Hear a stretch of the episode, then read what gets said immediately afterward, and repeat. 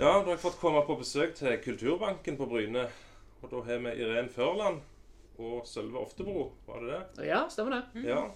Hvordan, for, fortell meg om Kulturbanken. Vi kan jo begynne der. Hva hva er det? Kulturbanken er ganske komplekst etter hvert. Um, I korttrekk så er det en kulturell lekeplass. Ja. Det er jo litt fint. Uh, men det er tredelt, sånn at det, den første og viktigste delen for oss er ungene. Altså det er barn og unge som går her. Ja. Og der er det Jeg har to unger i uka mm. som går på musikk, dans eller drama. uh, og bruker scenen som sin hjemmebane og øvingsrommet som sitt. ja.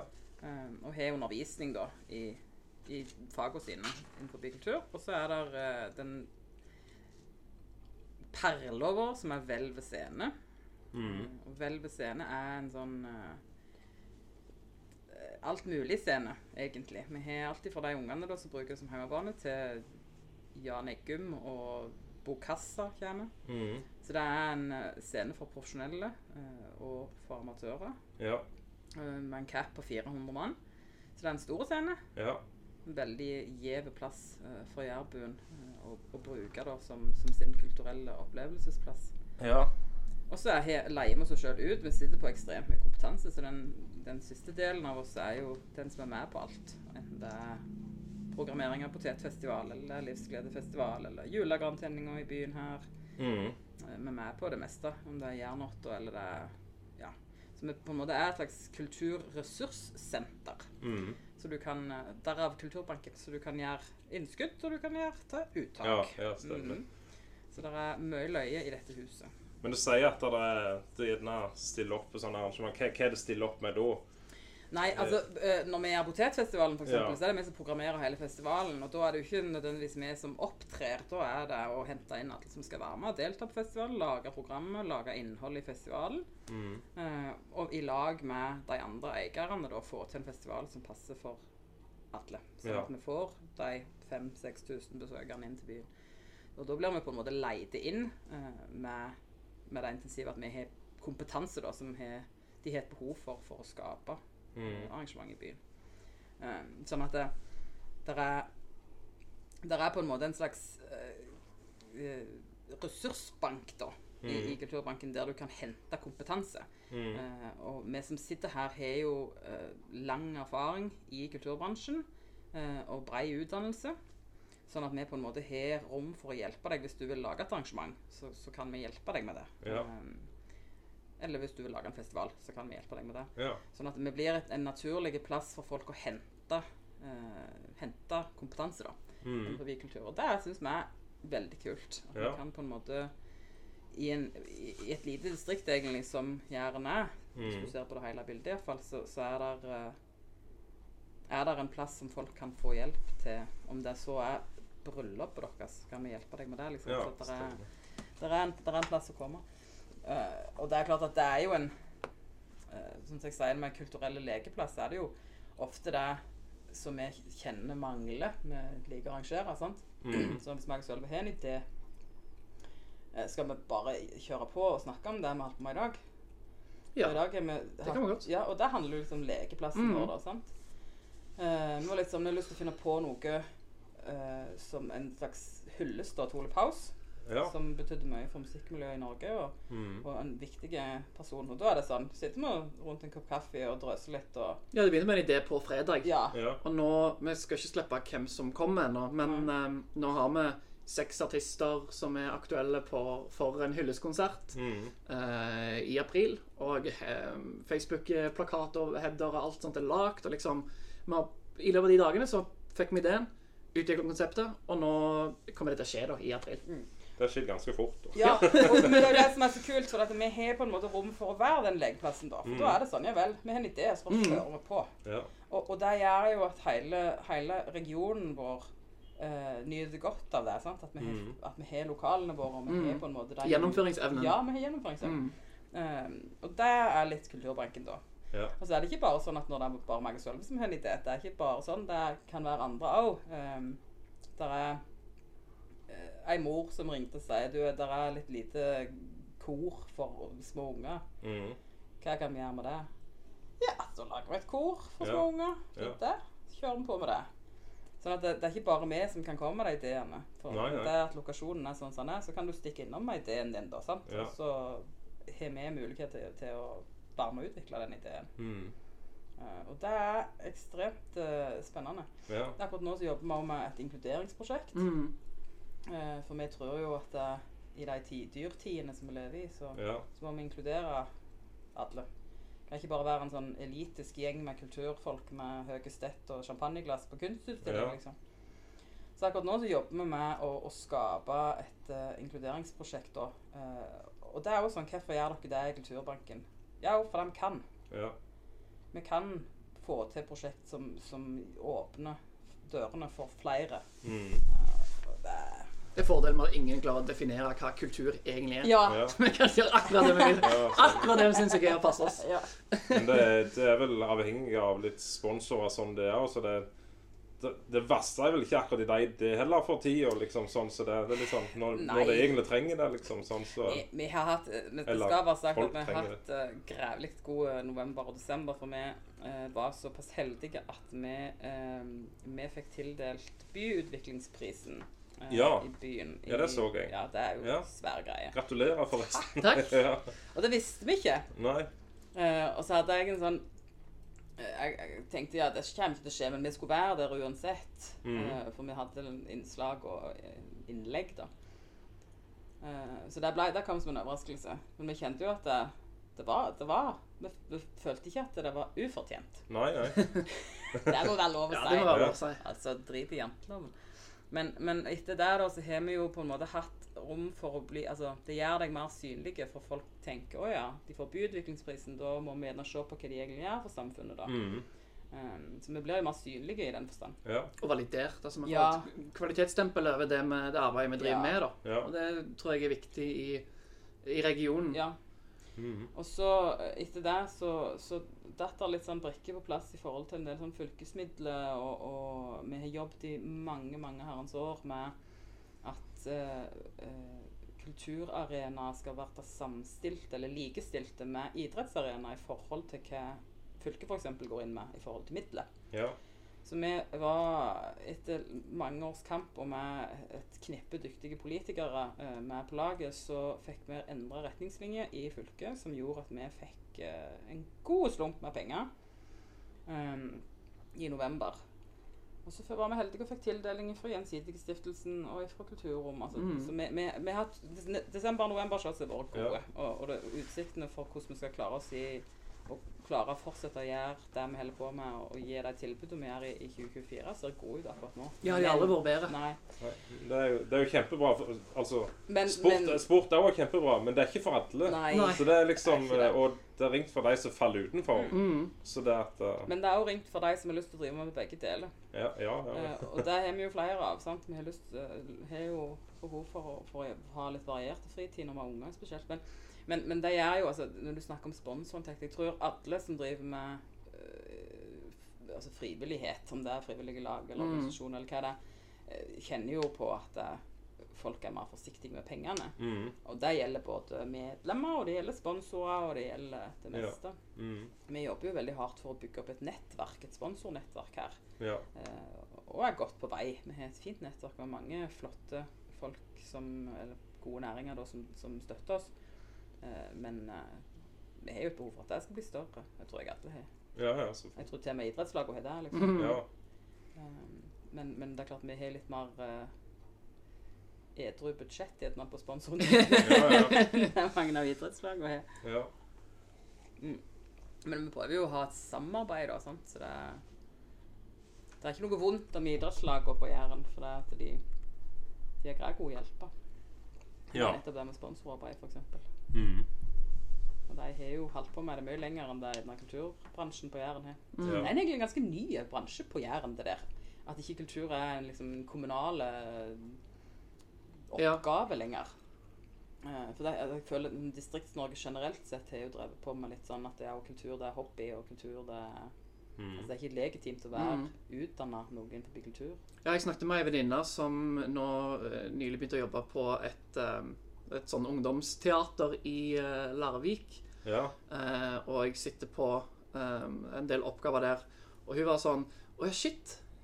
Uh, næring og liksom bedrifter, det er jo noe vi må utforske og samarbeide med og få ting til å skje i lag med. Ja. Fordi at det blir jo mindre og mindre penger fra de um, kommunale og fylkeskommunale støtteordninger, og det blir nedprioritert i budsjettet. Så da, det å skape ting i lag med, eh, med næring, da, er jo eh, veldig viktig for at kulturen skal gå rundt nå. Men òg å bli anerkjent som en faktisk næring. At Ja. det, altså, det som kulturen skaper, er et produkt. Altså, at når vi skaper Ole Paus-arrangementet, så er det et produkt som det ligger masse arbeid bak, og det har en verdi. ja. Mens på Jæren så har vi jo en tendens til å tenke at uh, revylaget tar seg av det. Mm. Og det er på idrett, som regel idrettslagene som står bak revylag. Altså det er en sånn Kultur er dugnad, kultur er hobby. Mor tenker jo mange ganger sikkert på deg nå. Når jeg skal bli voksen og få meg en skikkelig jobb. Ja.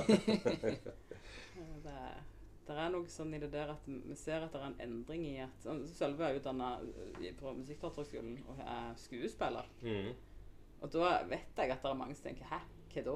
Utdanna skuespiller, liksom. Hva, hva, hva da du kan jobbe som? Altså, det, det er liksom ikke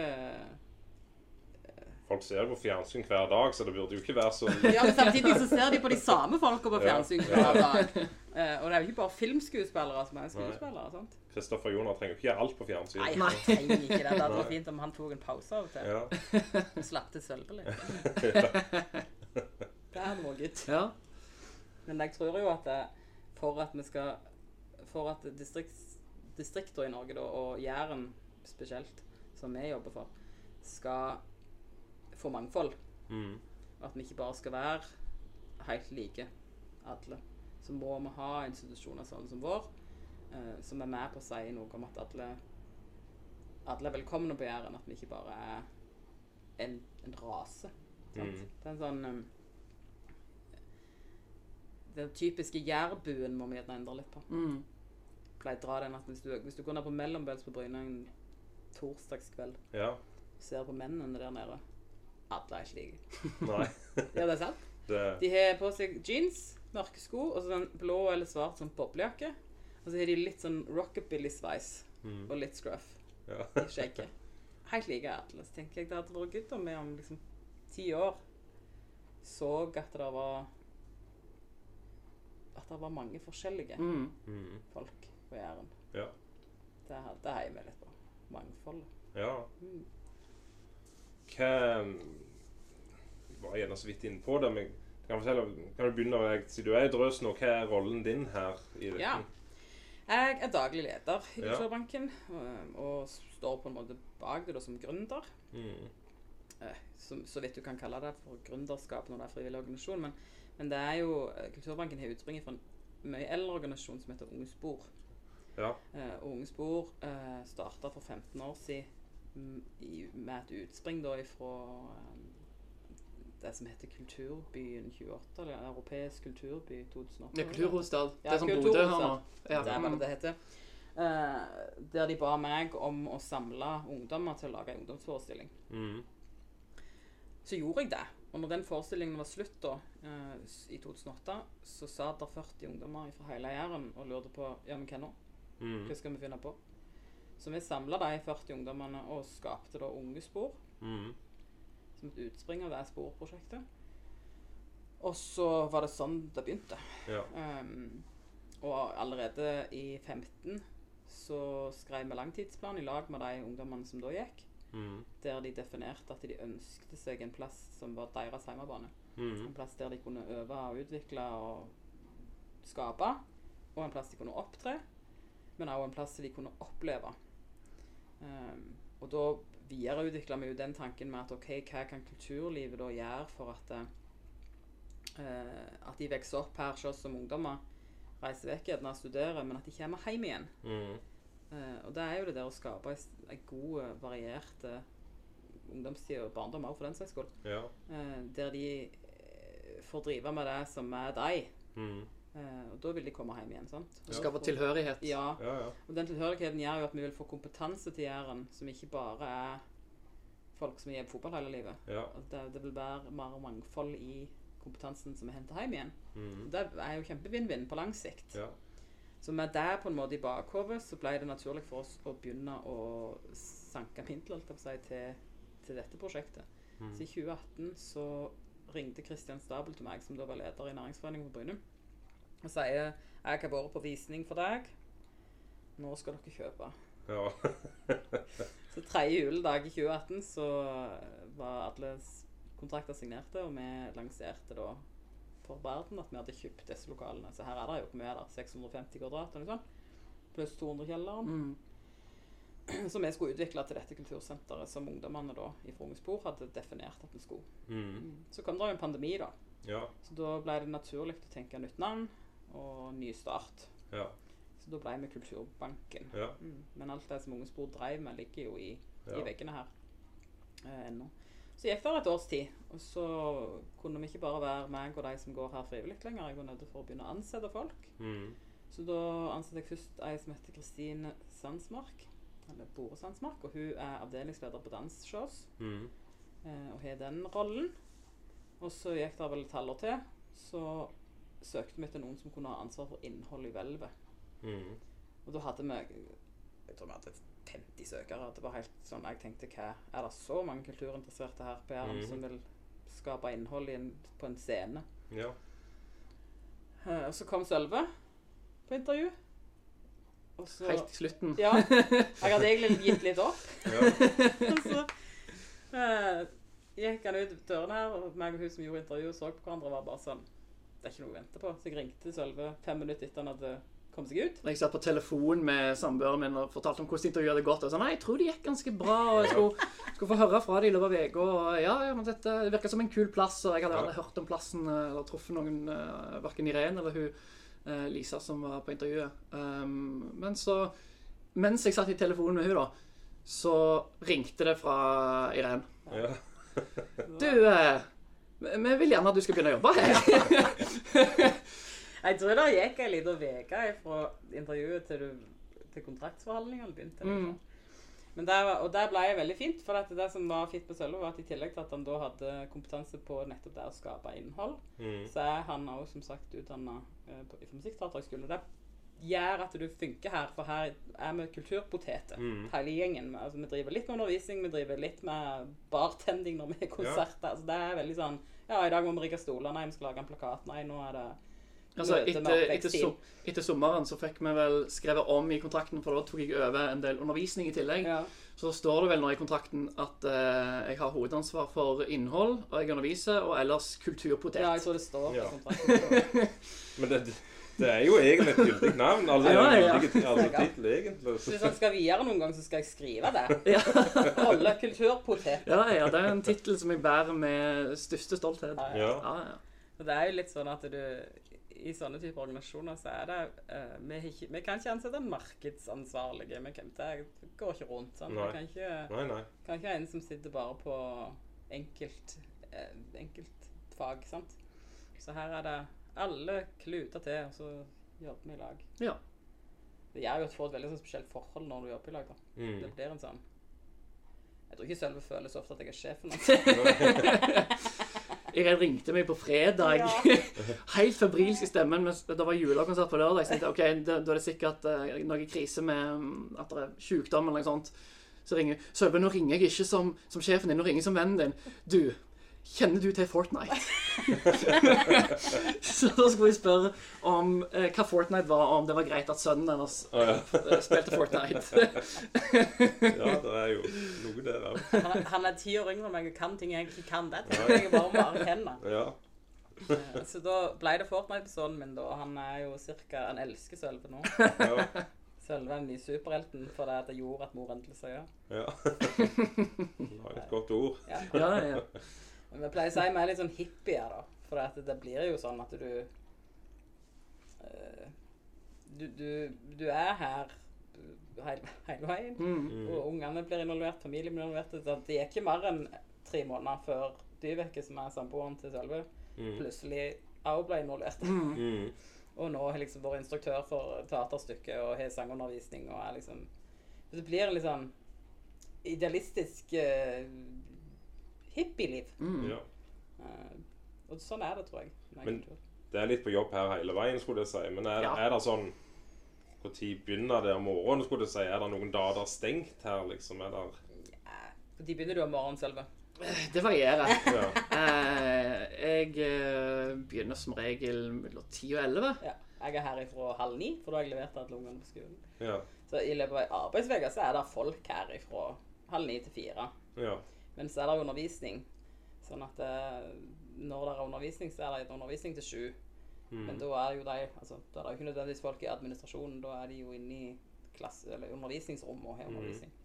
Men og så har vi jo konserter, sånn at når det er konserter, så er det jo folk. Og det kan jo Ja. folk følge med på på Facebook-siden til Hvelve scenen f.eks., eller på hjemmesidene våre på kulturbanken.no. Men konsert, er det generelt i helgen, eller er det like så greit en mandag? Nei, det er sjelden en mandag. Ja. Men det har jo litt med Jæren å gjøre. ja. Mm.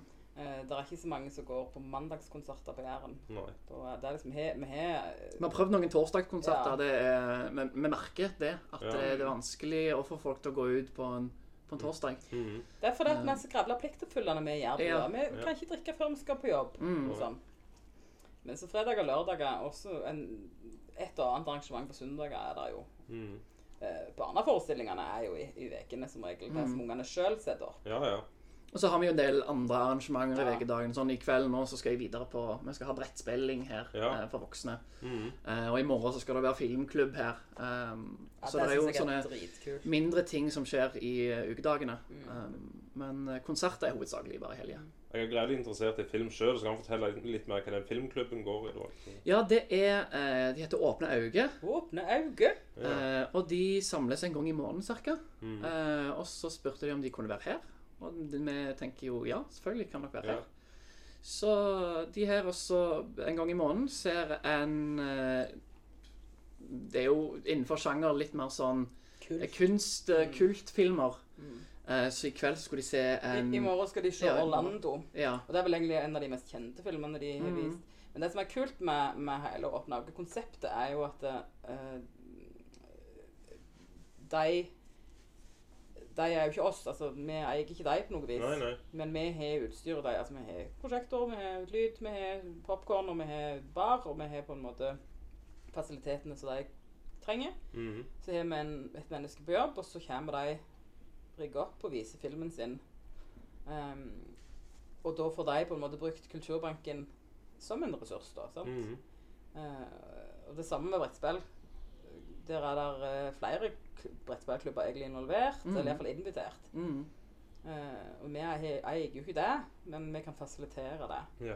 Og det syns vi er ekstremt kjekt. Og det er en sånn ting som oppfordrer flere. Så er det noen som har litt sånne Hva skal vi si Små miljø som Mm. ønsker eh, en samlingsplass. Så ta Mm. kontakt. Det er noe av det vi har jobba litt mer med i det siste. Det å skape Ja, vi er flinke på å skape fritidstilbud for barn. Men så er det veldig mange som glemmer at voksne òg må ha tilbud. Ja. De må kunne ha en plass de kan koble av, være seg sjøl og eh, skaffe nye venner. Mm. Eh, vibe over felles interesser. Um, og der har vi jo Nå har vi jo den voksenteatergruppa som satte opp Corner Livet, som ble utsolgt eh, nå i Når vi satte opp i Oktober. september, oktober. Ja.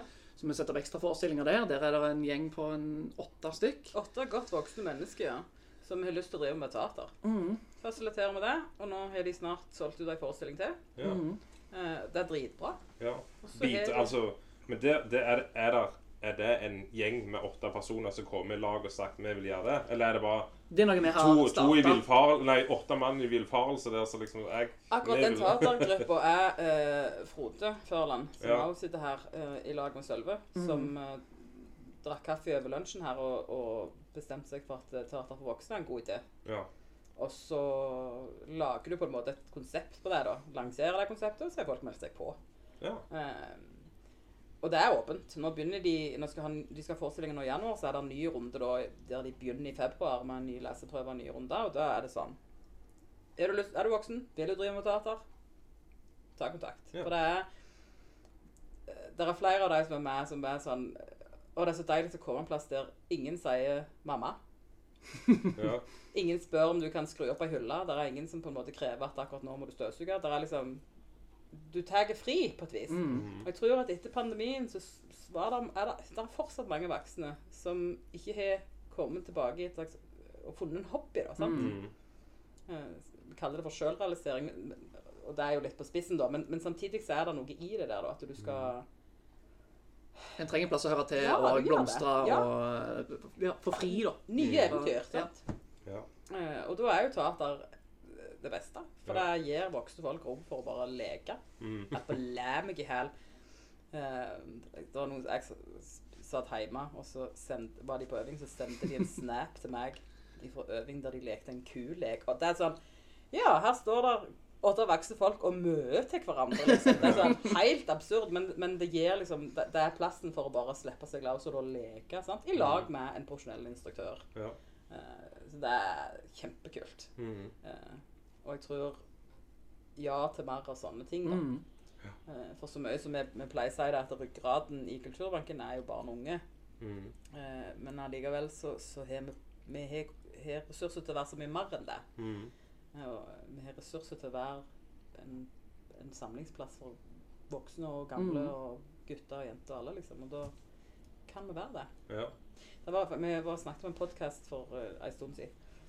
Ehm, og da kom det fram et ønske om det, for det er jo ganske mange podkaster på Jæren. Mm. Så da kom det fram et ønske om at vi skulle få til en sånn samling for alle som driver med sånn mi- mingle-kveld. Ja. Ja. For alle som driver med podcasting her, da. En slags nettverkstreff. Og det er Mm. sånn Vi ikke tok tak i det ennå, men det er jo også en sånn ting som vi bare kan gjøre. Mm. ja. Det var jo på podkast og naboen min mer Er eller mindre. Er det naboen din? hvem bor Bæren? Ja. Mm. Jeg har ikke hørt noe fra de på en stund da, men, eh, men jeg føler jo jeg gikk de litt i næringa her. sånn, så, så både Farsekongen og det var på, men nå drøya vi det litt da med at det kom. Jeg fikk drøsa med dere, så det at Men det er jo, jeg syns det er kult. Jeg synes Ja. det, det er kult at det er, det er mange spennende podkaster. og mange som tar opp ting som betyr noe for, for jærbuen, da. mm, Det er Ja. Det er kultur, det òg. Ja. Så det kunne vi godt tenkt oss å fasilitert. Ha en sånn major live-podkast-greie. Ja. Det hadde vært dritkult. ja. Det liker vi. Hvem jeg, jeg var litt Jeg var på denne her eh, Kvernalarm Ja. i sin tid. Eh, eh, eller nå sist, da, på den eh, når vi hadde 90-tallet, da. Mm. Og det var Jeg likte det, kan du si, mm. konseptet. Der så var det sånn Da har jeg fått et navn til med noen kompiser. Du tenkte liksom bare sånn Jeg har spilt litt mer litt sånn i hodet, liksom. Så jeg, jeg er små unger, jeg gidder ikke begynne å leie noe lokal og ditt og datt og ordne med liksom ah, Hvordan skal det være? på, så fest skal det være sånn og sånn? Ah, nei, og så og du har kontroll på folk og så er det ditt og datt. Jeg vil jo bare ha det gildt, ikke sant? Så når vi har spilt, ikke sant? Da ringer du oss. Ja, det var det jeg ble litt gira på nå, liksom. Gjerne det hadde vært en idé. Og hørte med folk fra H og Time da, litt sånn Selve har jeg jobbet litt med tanken om det der med å få til en sånn minifestival. Mm. Eh, egentlig mer primært lokale, da. Ja. Eh, og så er det jo mye. Der er Brynerocken er jo en av de store her ute på, på rock'n'roll-sjangeren, da. Og så Ja. har vi jo uh, Ranglerock. De, Ranglerock de er her en gang i året. Ja. Og det er jo en sånn indie-alternativ rock uh, up and coming, egentlig. Ja. Veldig sånn ja, jeg digger Ja. Rangleråken. Kjempekult. Ja. Uh, og de er her jo en gang i år. Og så er det um, andre sånne festivaler er der. Føler det er mange. Vreten, selvfølgelig. Mm. De var, jo nettopp på laget. Mm. Så vi, der er jo flere sånne musikkalternativ, men, men jeg tror egentlig ikke vi får nok av sånne ting. Nei. Uh, det er grevlig gildt. Og så tror jeg du ville blitt overraska av hvor mange menn på din alder som sier akkurat det samme som du sier. Ja.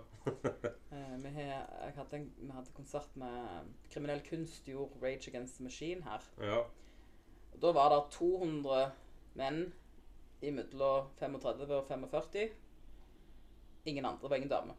Ingen over ingen under. Det, var liksom, det så ut som en stor gjeng med kompiser Ja. som var her. Og øla sto liksom i taket. Eh, og alle de var sånn Det hadde vært så gildt med en sånn samla kompisgjengen på en måte. Egentlig sånn kompisfestival. Mm. Så det er ikke første gang vi hører det. Nei. Det må du ta, Sølve. Ja. Som en sånn Yes, nå går vi i gang med det. Mm. Får vi det til på tre dager, eller? ja vi får se. Jeg, hadde jeg så for meg et bilde med folk jeg hadde lyst til å spørre om å være med på dette. tenkte liksom, jeg, selv når jeg fylte 40, da, så ledde jeg jo eh, eh, idrettshallen på Varhaug og Ja. hadde konsert og, og fikk være, fikk være rockestjerne sjøl. ikke? Så det var lagde backstage og greier. Så, Kult.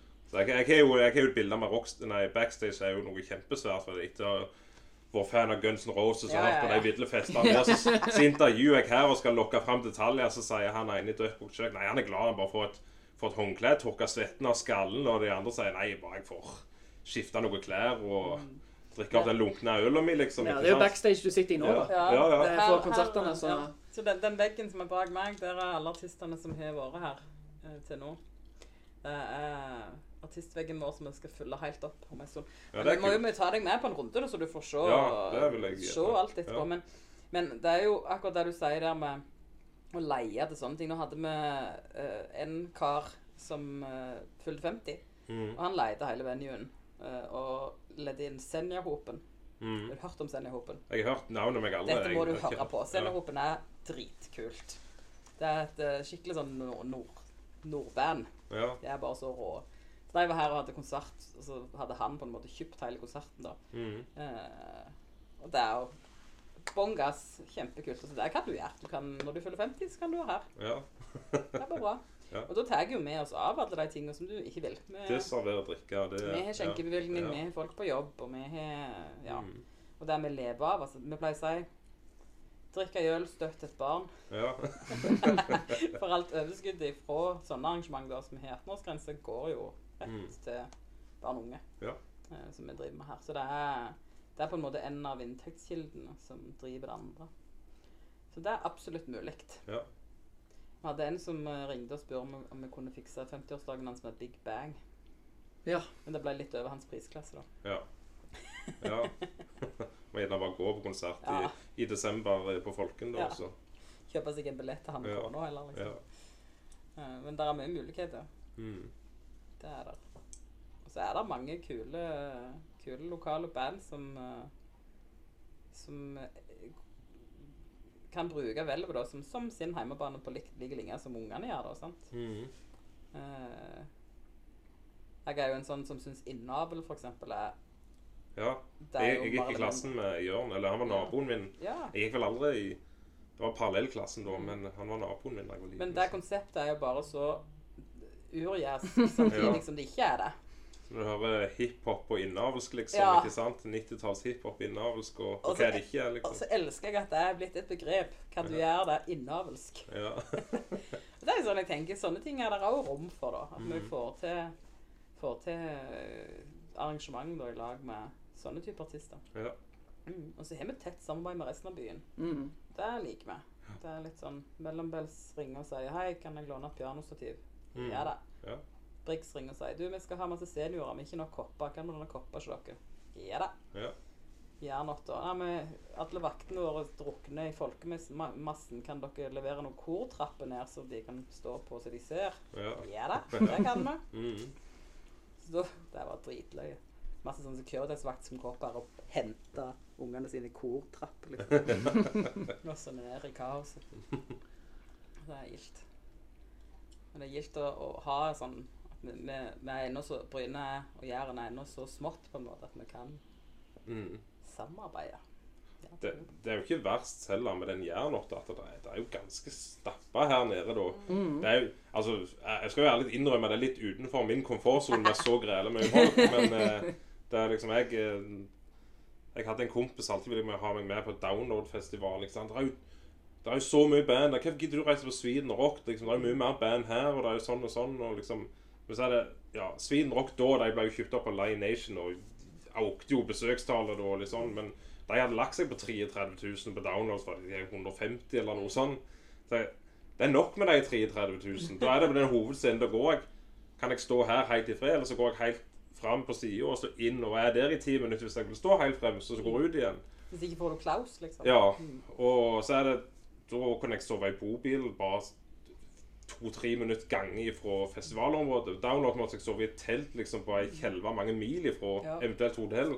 Og så er det sånn, Du ble jo dauselig, du kan ikke stå der hele dagen. ikke sant? Ja, vel ikke nå når du er blitt far og voksen, liksom. Nei, og du får, klarer ikke heller å se alle de bandene der uansett. Så det er liksom Men jeg synes jo det med Jernåtte er jo meget spesielt. Altså her har vi to, to kvelder i året der hele byen plutselig er en scene. Ja. Og det er jo ikke så mange andre festivaler. Altså, som regel så er festivaler sånn som du sier, på ei kjelve ut forbi, og så må mm. du sove i telt på ei annen kjelve, og så rigger de en scene bare for det. ja. Men her er det jo Altså, Torjo blir konsertscene. Mm. Festivalområdet. Ja. Og det gjør jo at hele byen er involvert det. Ja, I en, I en helt sånn eh, jeg ville, jeg ville sagt nærbøsk stil. Det er de som er best på duk nå. Ja. Nabo Varhaug. Men det handler jo Eller det, det, det sier jo en del om hvordan Bryne fungerer som by, for det krever jo et vanvittig tett og godt samarbeid i lokalmiljøet for å få til en sånn festival. Altså Gjerne at du må ta hensyn til alle uteplassene på torget, eh, ha et samarbeid med de sånn at eh, de ikke blokkerer, eller og, og heller eh, Og å spille de gode. De må ha eh, inn masse frivillige, de må ha rigging og rydding, og de må ha hjelp fra oss for eh, Vi er festivalkontoret som festivalkontoret ja. ja. regel. Hadde pause her hele Så det er så sykt mange brikker som skal falle på plass, da. Så det hadde jo vært mye lettere hvis det var en plass uh, langt fra folk og langt fra Ja, ja, ja. Ja, ja. Men en er veldig flink på å samarbeide og få ting til her. Det er en veldig sånn stå-på-vilje uh, i byen. Som jeg som er fra Sandnes, syns er veldig kjekt å få være med og bygge opp. da. Ja. Jeg hadde, jeg hadde vært på Bryne tre ganger før jeg begynte å jobbe her. ja. Men nå er, det, nå er hele Bryne på audition for deg. Ja, Ja. så eh, jeg prøver nå å overbevise samboerne om Nei, det er Bryne vi skal kjøpe hus på. Ja, det synes jeg. Og flytte. Men det er jo det som er litt sånn Vi har de offisielle nachspielene til til Jernåtta her oppe. Okay. Sånn at når festivalen er Når de er ferdig å spille, så åpner vi dørene her, og så kommer du inn her. Hvis du har billett. Um, og det er jo en sånn ting som ja, altså og spiller også er jo gode. Altså, mm. de får til samarbeid med alle. Og det syns jeg er en sånn uh, jærsk mentalitet, da. Ja. Uh, som vi må ta vare på. Mm. Det har vært litt sånn kritikk. Vi vi òg kritiserer en del uh, av disse store festivalene. Uh, for det er at de store festivalene har gjort en del grep som gjør at det er vanskelig å være små festivaler eller små konsertmenyer eller klubbscener eller hva som helst i forhold til at de eier gjerne både festivalen og artisten. eh, og kan få til store lineups uten at de gjerne nødvendigvis betaler det som, som vi ville måtte betalt for den artisten og sånn. Eh, og jeg håper jo at den, den debatten som de holder på med, bare fortsetter å Mm. gå, sånn at eh, vi får flere sånne festivaler da, som Jernotter, for Ja. eksempel. Mm. Uh, og at det er plass til flere artister. At det ikke bare er de store navnene vi hører om igjen og om igjen, om igjen, men at det er liksom mer rom for de der som en gang i framtida skal bli store. da. Mm. Um, for det syns, og det syns jeg er spennende å få være en del av en sånn type debatt. Mm. Være med endring. Bare det der med du nevner Reidaren og backstage. Ja. Hendelse med Løgne Ja. Det er liksom en sånn Det var en som jeg satt på kontoret og jobbet. Artisten var ferdig, kom han inn på kontoret mitt splitters naken. Det var litt sånn Ja, her er du naken. Hva er, ja, det står i raideren min at jeg skal ha en ny boksershorts. Hvor er den? Og sånn, ja, OK. Så når han da endelig gikk for kvelden, så hadde han øh, tatt med seg alt som sto på raideren. Der sto det bl.a. en Bluetooth-høyttaler. Mm. Så jeg lurer på hvor mange sånne han, han har hjemme nå. Ja. Hvis han skal ta med seg en fra hver venue. Og så sto der uh, uh, sikkert tre kasser øl, og det er jo noe som jeg og Sølve er litt imot. Ja. Hvorfor skal artister få lov å drikke så grævlig mye i arbeidstida? Um, og så tok han med seg alle de. Han drakk bare to øl, men han tok med seg de tre kassene øl. Det er litt sånn Texas, altså Ville Vesten. Det Ja. bare, Mm. ja. Det har jo vært mye oppslag om det i mediene og den debatten rundt eh, alkohol i, for artister, da. Ja. Um, hvor uh, Ja, musikkbransjen og alkohol har en eh, tett, uh, tett tilknytning til hverandre. ja. Uh, men det skal være grenser for hva som er å ta seg et par øl før konserten og noen øl etter konserten, versus det skal være nok øl til en fyllefest. Mm. Så vi er jo der at vi har lyst til at artisten skal ha det fint når de er hos oss. De skal få den øla de eh, trenger, eh, og um, kose seg før og etter. Men når de begynner å skal ta med seg ting hjem, og sånn, så er det sånn Dette er noe som vi betaler for. Du får ei hyre av oss som du kan bruke på så mye øl du vil på Kiwien. Men du får ikke ta med deg to kasser øl fordi du hadde tre kasser øl på raideren, og du bare drakk én av dem. Shoppingliste. Det er jo det de bruker det som ofte. Ja. Det sånn, To pakker røyk på raideren, liksom. Hva er det da for?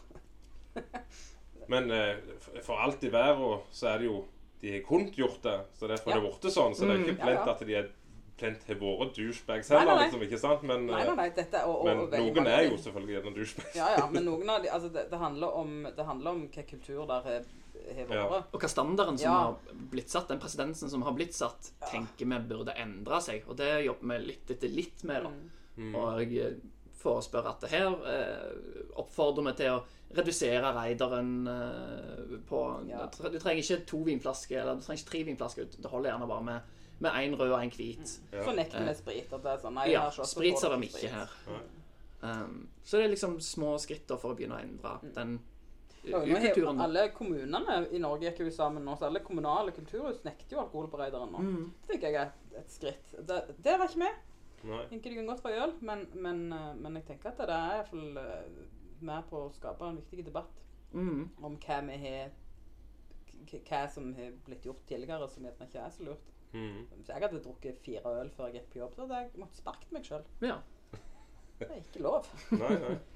Det er litt sånn Ja. Og så har jo vi òg Vi snakker jo ofte med artistene våre om hva vi egentlig driver med her, sant. Og de Ja. Er jo det med at når de er i disse veggene her, så, så er de òg i undervisningsrommet til ungene. Ja. Vi hadde en uh, konsert med uh, Jan i Onkel P. Mm. Det var faktisk en torsdagskonsert. Hadde vi, de hadde lydprøver klokka fem, og da hadde jeg 40 unger her som skulle på dans og drama. Mm. tenkte jeg, skal jeg avlyse? Siden de er liksom her bak, eller skal liksom ungene bare få komme? tenkte jeg, eh, bare la de komme. Mm. Så det var da jo 40 unger her, mens Jan Onkel P står på scenen og har lydprøve. Og så tror jeg ikke nødvendigvis at de ungene var fjerde- og femteklassinger. De visste ikke hvem Jan Onkel P var, Nei. men de forsto jo at de var profesjonelle artister. Ja. Så tenkte jeg dette kan enten gå veldig galt, eller så kan det bli spennende å se. Og så endte det opp med da at både Jan og Onkel P liksom setter seg ned på huk og snakker med disse ungene. Viser de eh, om liksom å snakke om artistlivet. Og noen av de blir de med ut på scenen og liksom får se hvordan det ser ut når, når det er profesjonelle lydteknikere som driver og springer rundt og sånn. Mm. Tenk, tenk hvis jeg hadde hatt det da jeg vokste opp. At jeg liksom randomly på min heimebanescene plutselig møtte på liksom artister som faktisk var profesjonelle og som Ja. drev med dette. Dritkult. Og da forsto jo de òg at det, det var ikke en kjempeidé at de satt her og drakk masse Nei, ja. pils mens det sprang masse femteklassinger ut de forbi her. Sant? det. Går jo ikke an. Så da gjorde de ikke det. Det sparte de til at lungene hadde gått hjem og etter konserten. Men du gjorde et rett valg, da. Ja, ja. Og, og, og det skal være sagt at de ble ganske fulle etter konserten. Vi sa takk og god natt, nå må dere gå på hotellet eh, på et gitt tidspunkt. Men, men eh, jeg tror tilbakemeldingen fra artistene etterpå var at det var faktisk ganske kult. Ja. At de fikk drøs med disse kidsa. da. Mm. Mm. Så er det jo ofte sånn unger som driver med musikk, dans og drama, er jo ganske skal vi si, husvarme. Ja. Iallfall når de er her på sin plass. Ja. Så det er jo ikke sånn at de står sjenert i et hjørne og lurer. Det er jo Hva dere holder på med? Hvem er du? Hvem er du? Hva heter du? Hva synger du? Kan du synge for meg? Det er jo nokså frampå unger. Hvor, hvor små er de minste ungene som går her, liksom? Hva, Fire. ja, De går på, hva, hva de er? de går på dans. Eller så har vi nå ifra, egentlig nytt nå ifra, ifra januar av, så tilbyr vi barne... Altså teaterlek. Mm. Så det, nå blir det teater òg for de yngste. Eh, og det er jo klart at jeg, jeg syns at det er det illeste. Når de fireåringene i danseforestilling står i sånn tutu på scenen og vinker til mor. det er bare så fantastisk. En sånn mestringsfølelse og begynnelse på en måte på hva et kulturliv Ja, er det altså Er det, er det ballerina, liksom? Det, Nei, nei, nei. På, på de aller yngste så er det jo det vi kaller for barnedans. Det er jo egentlig en sjanger i seg sjøl. Der handler det om å lære bevegelser, å lære å bevege seg til musikk, snakke om rytme. Og så er det litt sånn de, Mange av de er jo jenter på de yngste kulla. Mm. Og da er det jo mye sånn de vil lære å snurre. Sant? Mm. De, vil, de vil lære å ha hendene opp og snurre. Sitter foreldrene og ser på det, eller får ikke de være der? de får ikke være der. De er, de, de er, mange av de sitter her inne på kjøkkenet og drikker kaffe, eller ute i foajeen i baren og, og drikker Ja. kaffe. Så på de yngste så er jo foreldrene i nærheten. Ja. Det er de. For de- vi har bare en lærer, sånn at det, hvis en begynner å grine, så, så er foreldrene i nærheten. Men, eh, men de får ikke være med inn i undervisningsrommet. Erfaringen, og det tror jeg alle som jobber i både barnehage og skole, kan være enige med meg i, at som Mm. rent pedagogisk så er det ikke fryktelig intelligent å ha foreldrene der. Nei, nei, jeg tenker også det. da er ikke ungene med. Nei. Da sitter de på fanget og ser på. Jeg tror nok hun eldste mi hadde sikkert likt noe sånn. Hun er litt blyg da, Mm. men jeg vet hun vil noe sånn. Det er, hun yngste mi, hun er fire. Ja. Hun øh, elsker å stå på scenen. Det er det gjeldeste hun vet. Men hun hater å øve. Ja. Så hun lurte på om hun kunne slutte på dans og bare begynne på forestilling. ja. Sånn at hun bare kunne komme når det var forestilling. På lørdags var det med julekonsert, som sagt, og da skulle hun komme og se på. Og da, kunne, da hadde hun en sammensmelt fordi hun ikke skulle få lov å gå opp på scenen og danse framfor alle folka. Det er det huset. ja. Så da er jeg i hvert fall ikke blyg. Nei, men du er ganske blyg på øving, da. Og det er jo mange av disse er. Det er, du er i en dansesal, der er speil, der er musikk, sant. Mm. Eh, Så der er noen av de yngste trenger litt tid før de blir varme. Ja. Jeg har merka det som um, dramapedagog at uh, det er veldig mange av de som er stille og usikre i begynnelsen, som gir de tre måneder med samme gruppe og uh, uh, velvalgte teaterøvelser og gøy prosjekt, så blomstrer de og kommer ut av skallet og uh, blir skikkelig flinke. Mm. Uh, og ja. De får en sånn trygghet da, sant? Mm. Og, og opplever mestring. Og så ser vi at veldig ofte så er det eh, det å være blyge eh, Når de da lærer at der kan de legge av seg Mm. og spille en rolle, at de tar på seg en maske og Mm. blir noen andre, det er en ting som de tar med seg inn i ungdomstida. da. Ja. Eh, og hvis vi skal liksom gå litt sånn inn i, i hva drama betyr for en 15-åring, f.eks., eh, så er det jo nettopp det der det blir en slags, en slags eh, pause fra virkeligheten. Ja. Sånn at hvis du er veldig stressa, hvis du føler du har mye skolearbeid, hvis du føler du har mye press, så får du være noen andre i en liten stund. Mm. Uh, og det er en fin evne å ta med seg. Ja.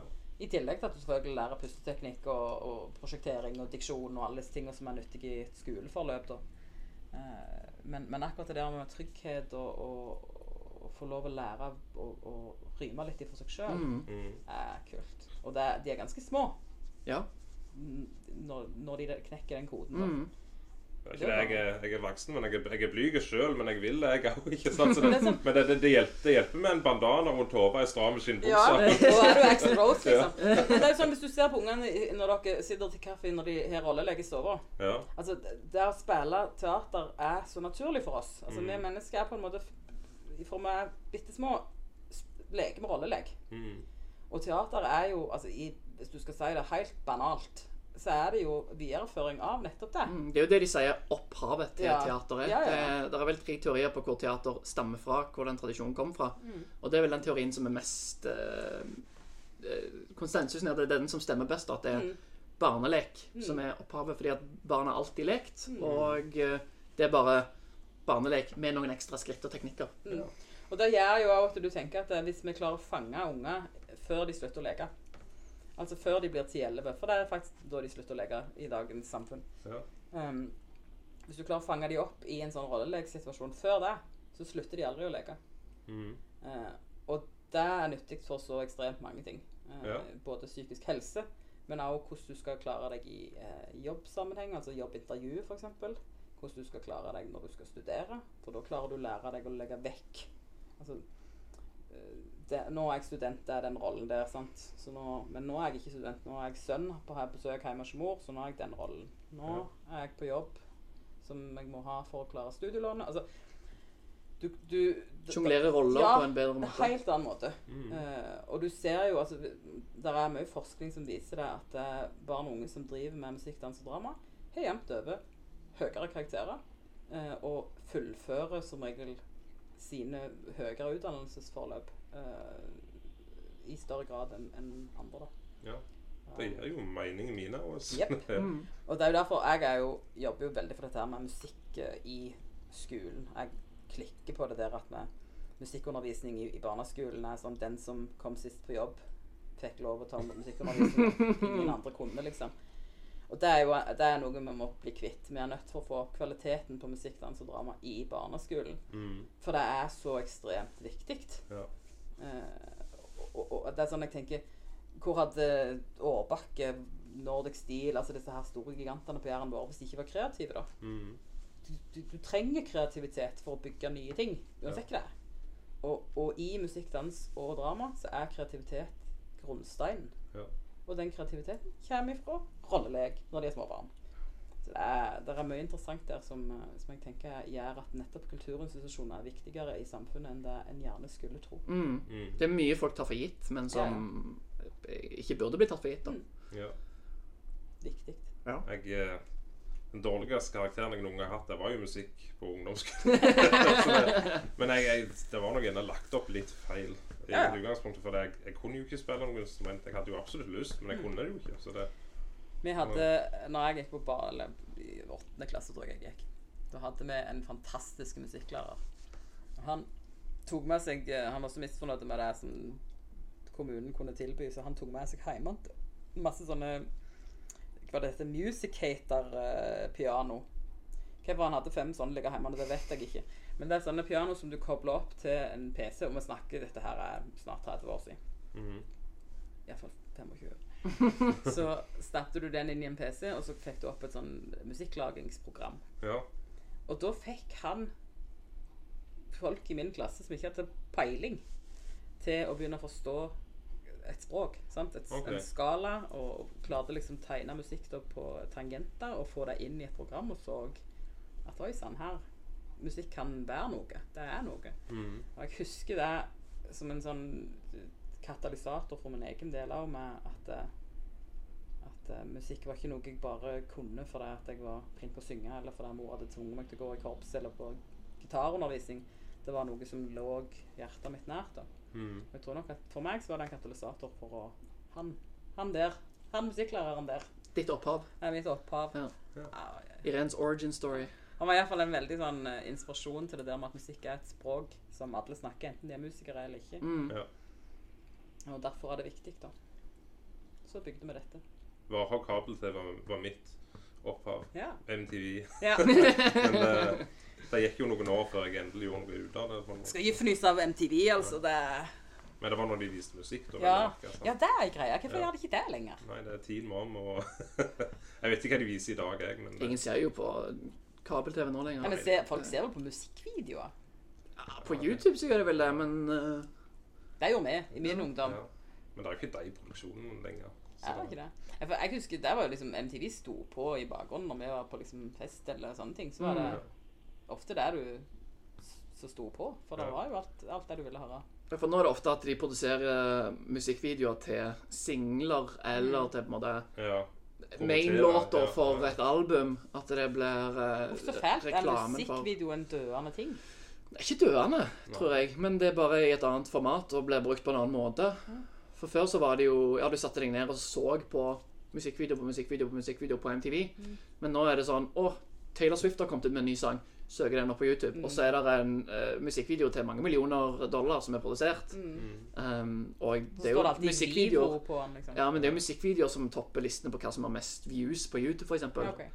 Det var godt. Så det er ikke sånn Vi skal ikke, til, til liksom Queen og Video Killed the Radio Star Ja. og neste epoke, liksom. Nei. Det er liksom, CC Topp er jo konge, men i sin tid da, med musikkvideoene Alle visste jo hvem CC Topp var. Til og med Ja. de som ikke egentlig likte sånn musikk, men da ble jo det kommersielt, liksom. ikke sant? Det var, liksom- Jeg tror Den første musikkvideoen jeg hadde et forhold til, vet jeg ikke om det var en musikkvideo en gang, det var eh, Black Sabbath. Uh, er sikkert en livekonsert siden de hadde gjort om til en musikkvideo der han åt hodet av ei due.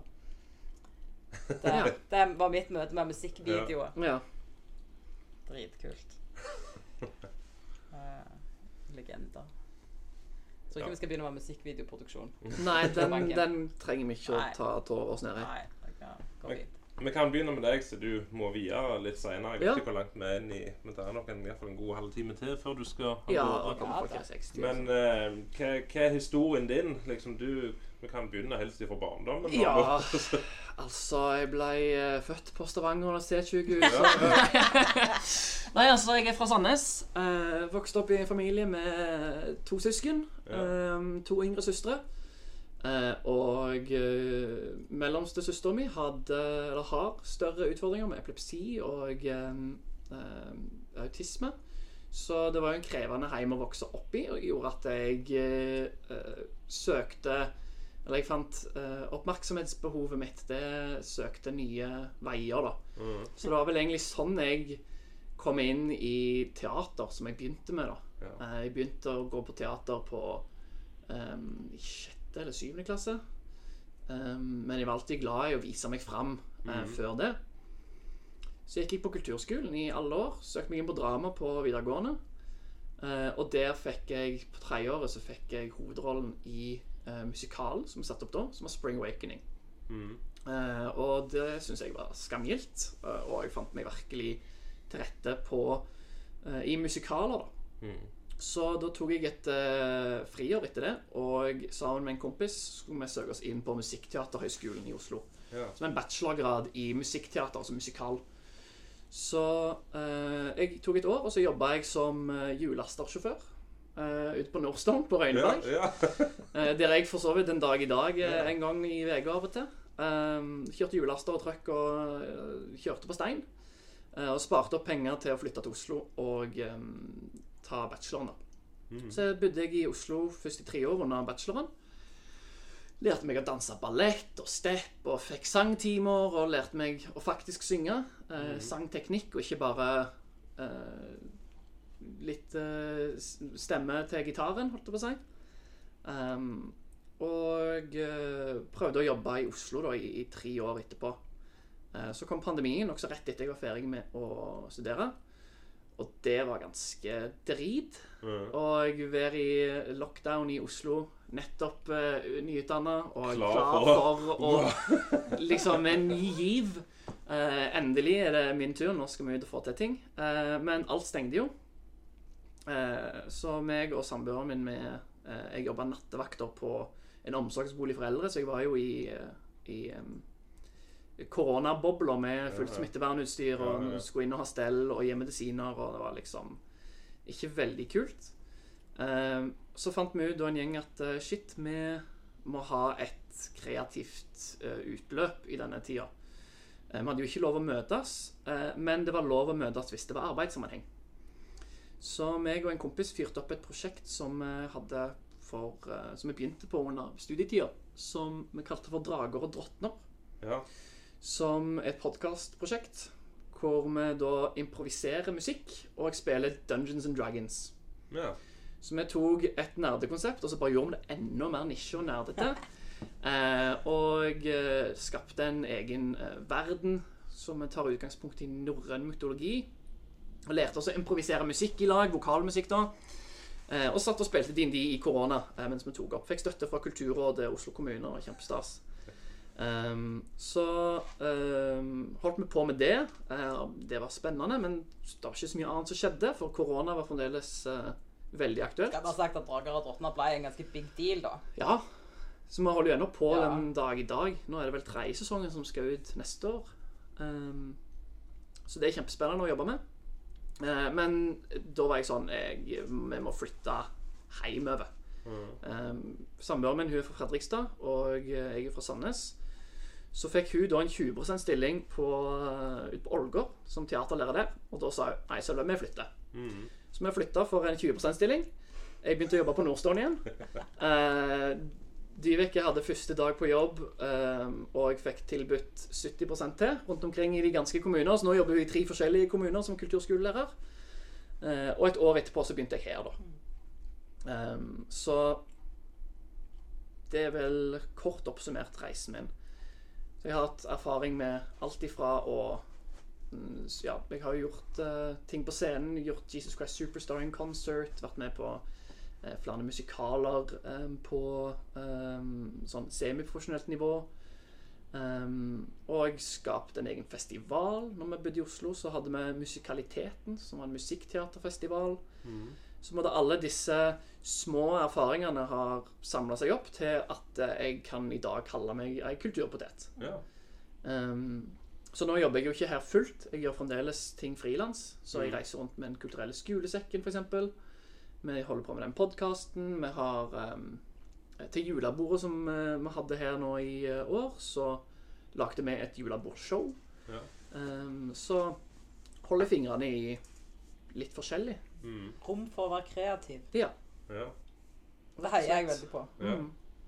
Men uh, det der drager og drottner, altså vet ikke om jeg helt forsto det. for Nei, helt det men, eh, skjønner jeg. eh, altså, det spilte altså det, Du sa musikk, Ja. men det spilte Dungeons and Dragons. Altså, spiller det musikk Nei, altså, spiller det fysisk spill? Jeg forsto ikke helt. Altså, Dungeons and Dragons er jo et um, uh, historiefortellingsmedium. Ja. Du forteller, det er en kollektiv historiefortelling. Du forteller en historie sammen. Så har du et karakterark med dette, disse tingene er du flinke på, disse tingene er dårlig på. Ja. Ehm, så uh, spiller alle sin karakter, så blir det ledet av en spillmester som har en større historie Ja. da, som han skal Ja. ta oss gjennom. Så i vår første sesong så var historien at uh, vi befinner oss i denne norrøne verdenen hvor Ragnarok har skjedd. Alle gudene og assene er døde. Uh, og vi skal få Vi skal redde ei som er i slekt med en av de gamle gudene. Um, så litt som i en musikal, når det passer seg i historien at vi spiller eh, Vi spiller jo med karakterstemme og hele pakken. Når det passer seg i historien at karakterer bryter ut i sang, så improviserer vi musikk sammen. Vokalmusikk, da. Eh, og det er alt ifra eh, at vi synger om omstendighetene, til at vi synger hva karakterene føler. Um, det kan være solo, det kan være duetter, og det er fullstendige um, ensemblenummer.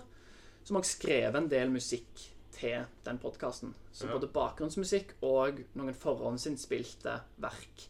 Så vi har annet et uh, stort verk som åpner hele første sesong, som er uh, som heter 'Verda som kjem og som var', som handler om denne uh, dommedagsberetningen når Ragnarok skjer. Hva, hva er det som egentlig foregikk da? det, det som hele Drager og drottner er på en måte eh, For oss som ikke hadde kjennskap til det før, men bare lytta Jeg hadde hørt om podkasten før jeg traff Sølve. Ja.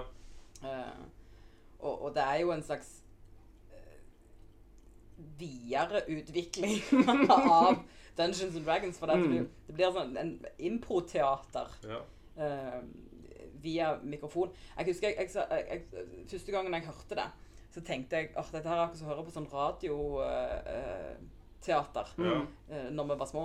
Når det liksom, du visste at et menneske som hadde jobbet med å lage ringeklokkelyd og gålyd på gulvet og, altså, Mm. det, blir en sånn, det blir en slags radioteater ja. der føringene blir lagt av spilleregler. Mm. Mm. Arrester meg hvis jeg tar feil. Så Det- Nei, det det oppleves veldig Det sånn. sant jo meg litt tilbake var det jeg, jeg misforsto igjen, altså. For da er det jo litt planlagt, altså. Det er ikke Eller er alt Nei. Nei, altså, det er som- på sparket alltid Alt er på sparket. Eneste jeg vet med min karakter, det er hva skjedde, hva skjedde før? Hvor vil karakteren min? Ja. Og så reagerer jeg som den karakteren på alt det de andre sier. Og så har du den spillmesteren som leder spillet, som presenterer miljøet og presenterer nye karakterer og gir oss hint Forteller om historien, ja, da, forteller ja. historien. Ja. Og så forteller vi han da i lag med han, da. Ja. Så er det jo ikke sånn at jeg sitter i hele eh, episoden er på en time, så jeg er ikke i karakter hele den timen. Nei. Jeg hopper inn og ut av det, sånn som en gjør når en spiller Dungeons and Dragons til vanlig. Eh, så jeg sier, når jeg beskriver noe karakteren min gjør, så sier jeg ja, Våle går bort til eh, benken, og så plukker han opp boka. Eh, og så ser han gjennom lista over navn og ser om han er kjensel på et av dem. Ja. Så sier spillmesteren OK, trill en terning. Triller jeg terningen. Han eh, beskriver hva jeg finner, basert på resultatet. Så går vi videre. Så har jeg det med meg. OK, jeg fant det navnet i boka. Det betyr at da eh, hadde den personen noe med Ja. det å gjøre. Så må du dikte historien videre. Mm. Men jeg men tenker det er jo liksom at du Det er noe du bare synger da plutselig. Du skal være rimelig kreativ for å henge Ja. med, ikke sant? Ja. Eh, og det, altså, Podkast trenger jo ikke plent være live. Nei. Litt, det jeg lurte på, om at det er liksom, det, når det setter på opptak, så setter det på opptak. Ja. ja.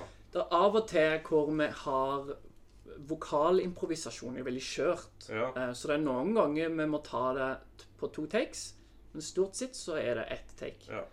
Og nå har vi begynt å gjøre liveshow i tillegg, og da Ja. er vi jo iallfall satt på press. Ja. Ja. Um, Det var da skikkelig kult. Vi var her og hadde liveshow i fjor i da hadde jeg ingen, ingen tanker. Altså, jeg har jo masse erfaring med improtater for alt i verden, men jeg, jeg kunne ingenting om terninger og Mm. game masters og alt. Da setter de opp eh, altså, De som spilte roller, satt med hver sin mikrofon, og så satt gamemasteren da med et piano. Og så uh, masse publikum. Og så får de jo innspill. Altså, spillmesteren begynte med å si 'Hvor er vi hen?'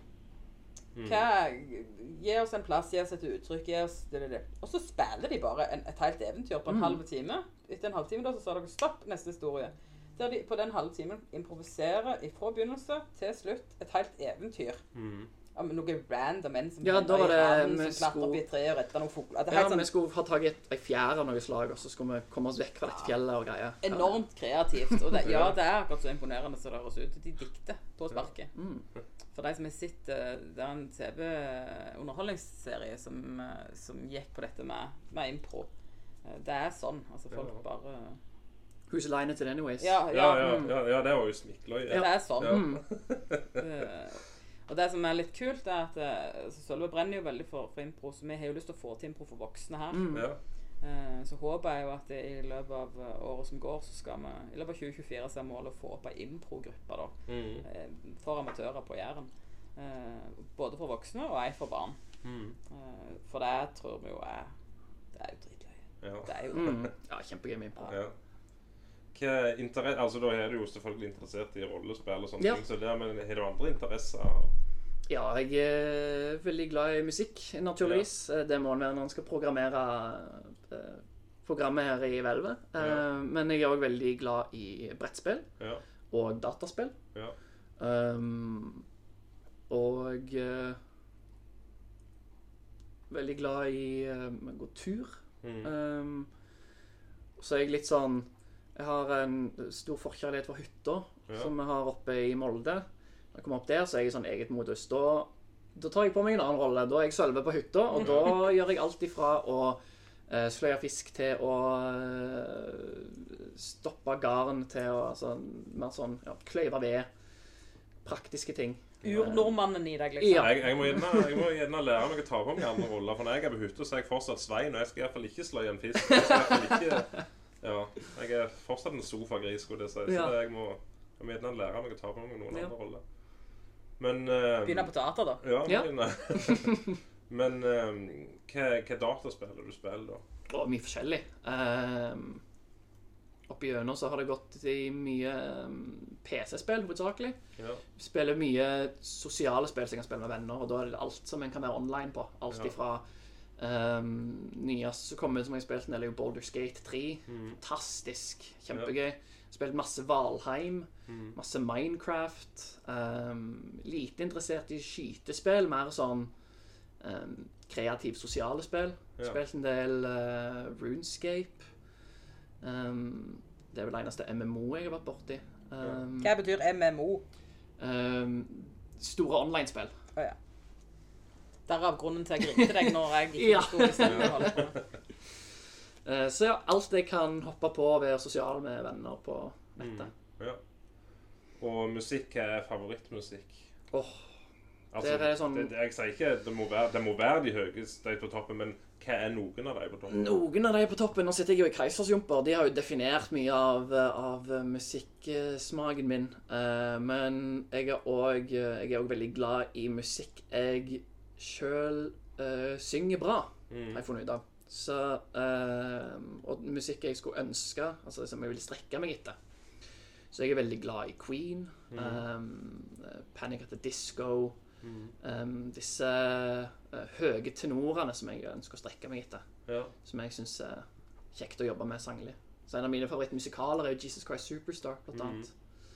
Um, så det går mye rock, Ja. uh, sånn sjangermessig. Men jeg er òg veldig glad i alt fra tekno til visemusikk. Mm. Så um, alt etter humør.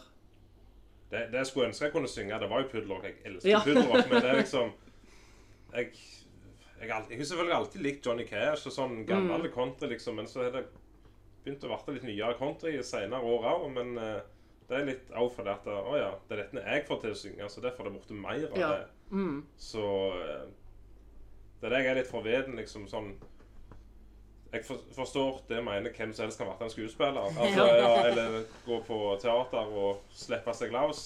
Kan, kan hvem som helst synge òg? Ja. Det er Innen rimelighetsgrenser, da, vel å merke. Ja, ja, men det er en sånn misconception. eh, fordi at eh, stemmen er en muskel akkurat som hamstring. Altså Mm. um, Det er noe du kan trene, bøye og tøye og lære deg å bruke til beste evne. Mm. Um, så det er jo en sangpedagogs oppgave å få fram sangstemmen i enhver. Um, og det er jo noen som har bedre utgangspunkt enn Ja, andre. og så er vi litt uenige om det, for det er jo en viktig del av det å være musiker som heter øyre.